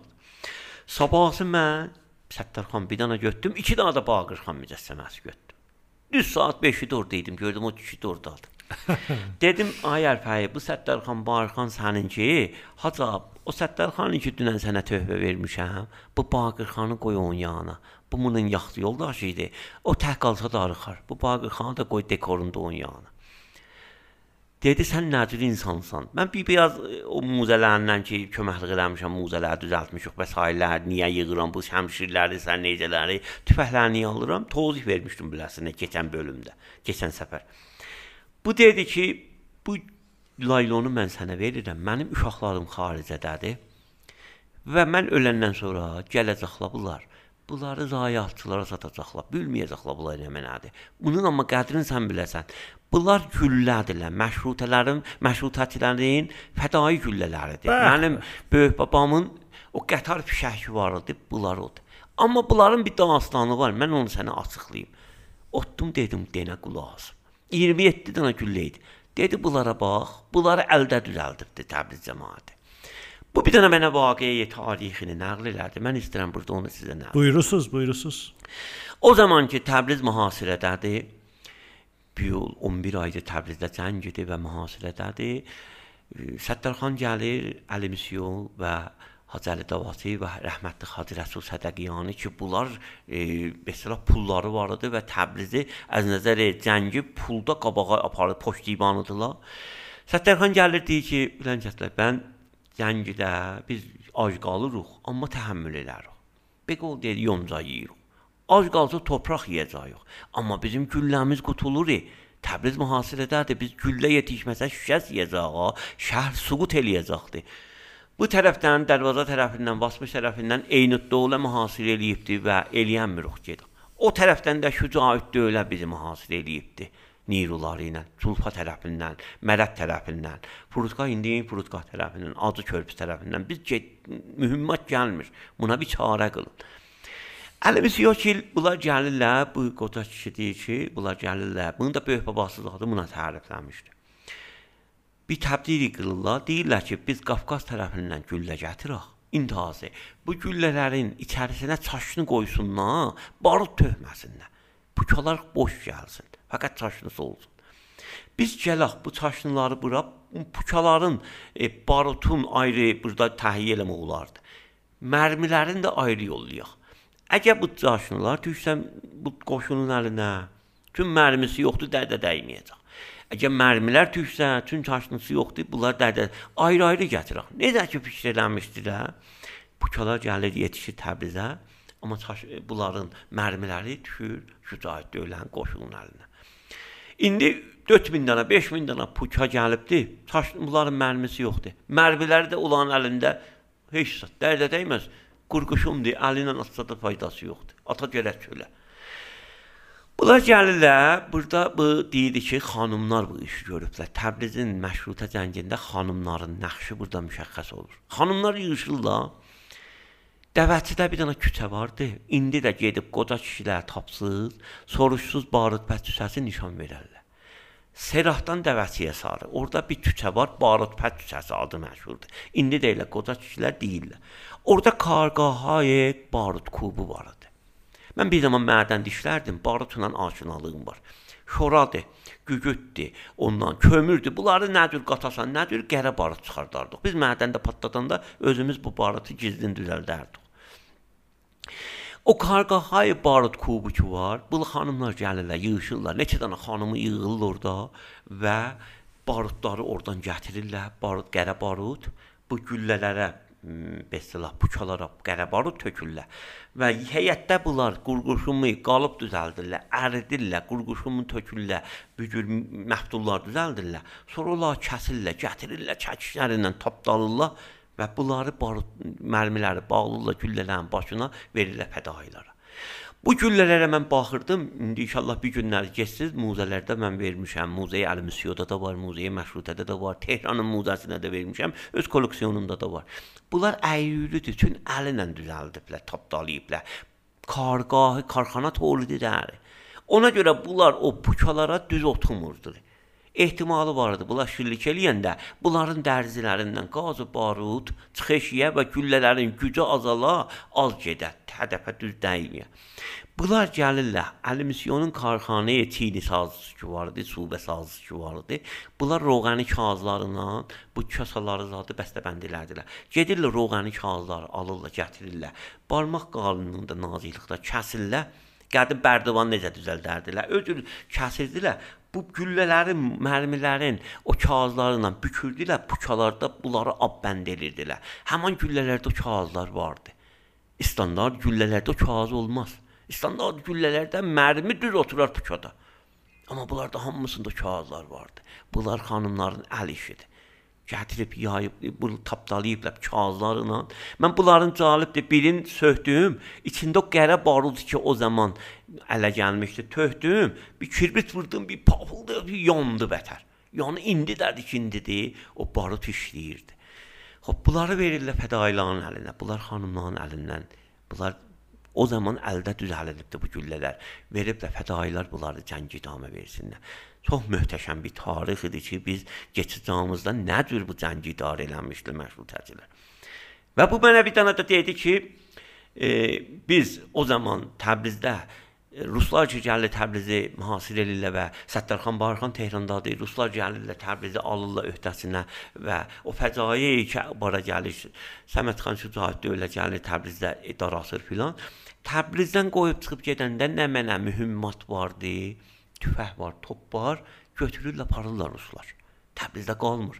Ona görə cəngi məşrutədən top qalmayıb. bu toplanın cərəyanı da bu idi ki, Nasrəddin Şah axərin səfəri ki gedir Urupiyyə. O trişdə karxanayı Kurubdan bazır eləyəndə mühəndis Kurub bir dənamının iftixarına top şillik elir və bir dənamına top kado verir. O top nə mənadır? Cəngə Sivirvarın toplarındandır. Çox belə böyük toplardandır. Nasrəddin Şah gəlir Fransada, mühəndis ol məmalikə deyir ki, get 5 dənə toplardan al apar İrana. Bu gəlir, bir dənə öz topu ki, kado vermişdilər. 5 dənə də top alır, gətirir Təbrizdən keçəndə bunların 5 dənəsini qoyurlar Təbrizin Ərk qalasında qalır. Bir dənəsini aparırlar Tehrana. Tehranda sökürlər və o topun üstündən top düzəldirlər. Mühəndisi məkus ellər də o zaman. Mə, İntihası üçün elə qəşəng başaradıqları olmur, düzəldə bilmirlər. Toplar əvvəlin ki, başdan topu şilli gələsin. Bəzi vaxt görürdün, topun gülləsi girəlir Top dağlıdan patdır, neçə nəfər də adam öldürür. O toplar dərdə dəymir. O toplar ki 5 dənə Təbrizdə var idi. Rəhmətli Kəblayi Hüseyn xan Bağban topxananın məsul idi. Onun təhvilində idilər və onunla bunlar Besra Xələtşan tərəfində eyni dolan qoşunu vururdular. Həm o toplar, həm o bala toplar, ayrı toplar.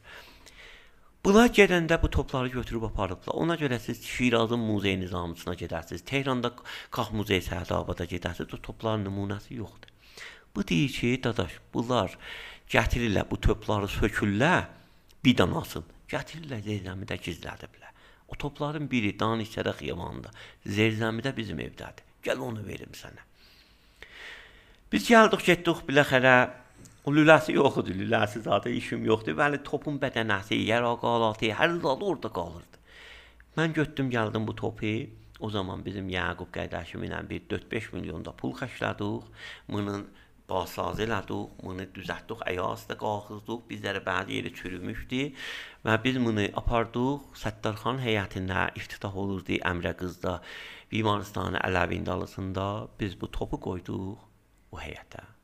Və onun modelinin üstündən mən götürdüm Fiber Glass-dan baz elədim. Düz o modeldən əndazəsində düzəltdim.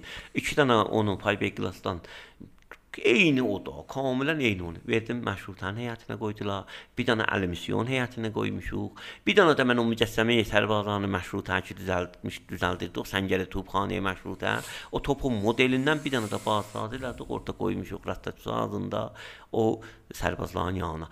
Bəli, xop, o bir dənə o sərneyzə almaq və bir dənə mən ona kado vermək bais oldu. Güllələr yetişdi mənim əlimə. Zayiatçıya getmədi. Top zərzəmidən çıxdı. Bir dənə bizim Təbrizin dəyərli tarixi gəldi əlimizə və o topun modeli düşdü əlimizə ki, Təbrizdə məşrutə cəngində əslən görmüşdük. Bəli, xop, o model özü əslısı ələ düşmək çox hesabıdır. Və mən öz cibimdən yadıma gəlir iftitahdan sonra getdim Tehranda 3-400 min tümən verdim, primar aldım yarım kilo zat primer aldım ki, bir dənə mühafizdir ki, xarici bir şeydir. Gətdim bunu vurdum topun üstünə. O bir neçə illər bir dənə mühafiz namər idi. Elə bir naylon çəkmisən, telefon çəkmisən. Gözə görsən. Xordegin qabağını alır da. Xordegi və yaşın suyun qabağını alır. Mən çox yordum biləzi, çox danışdım. Güləşt eləyin. Biləxərə bunlar bir tarixdir ki, keçəcəyimizdən vardı. Biz bunları tapırıq və saxlayırıq ki, gələcəyimizə nəsl ayəndiyə, uşaqlarımıza təhvil veririk. Aysər abi, çox sağ olun. Söhbətləriniz mənə belə ayrı cür yapışdı. Aydın Sərdarınyanı da sağ olsun, var olsun ki, bu dostluğa, tanışlığa səbəb oldular. Mən e, belə deyim, bax mən bu 3-4 saatı ömrümə yazdım. Çox sağ olun ki, müstəşara qonaq oldunuz. Son sözünüz müstəşara hissiniz nə mənadır, radio müstəşar? Müstəşarla mənim nəzərimə mən təzə aşina olmuşam və e, Aydın qardaşımız dedi və çox söyünürəm ki, bunlar qalacaq ayəndə. Növ tarixi şifahidir. Mən indi bunu dedim, çoxları qulaq asacaqdı bu güllələrin cərəyanına. Mən şayət sabahlar buradan keçəm, elə buradan düşən pillələr düşəndə yan burxula, kəlləm üstə dəyəm, öləm gedir. İraq Allah. Amma bu qalacaqdır. Mən də ayrı adama şahid bunlar deməyəm. Amma bunu 20 ildən sonra buna qulaq asacaq deyəcəkdir ki, bəli, bu güllələr o zaman bücü düzəlinib ha. Bu çox gözəl bir hissidir. Bu gözəl bir bərnamədir ki, e, bu xatirələr ki var, bu e, sözlər ki vardı cəmaətin zehnində, cəmaətin ürəyində bunlar zəbt olur və pəxş olur ayəndə də bunlar. Şayət heç yerdə bu imkan olmaya ki, 2 saat oturasan, danışasan.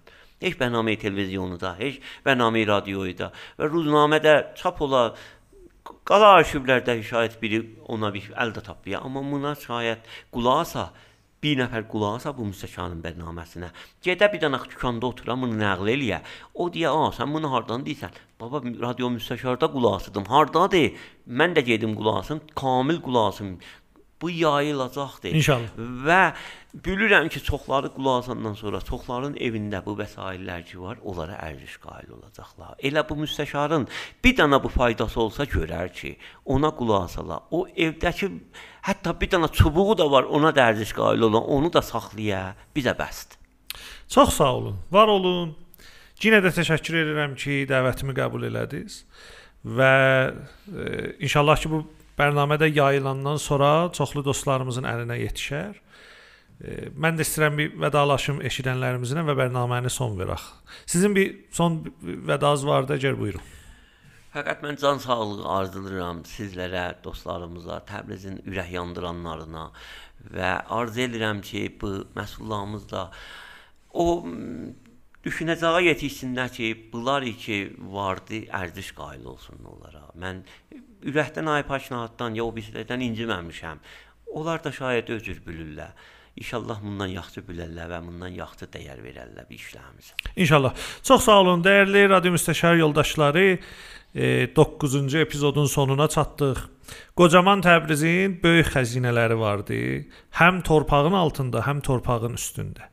Torpağın üstündəki xəzinələrimiz Təbrizi Təbriz eləyənlərdilər.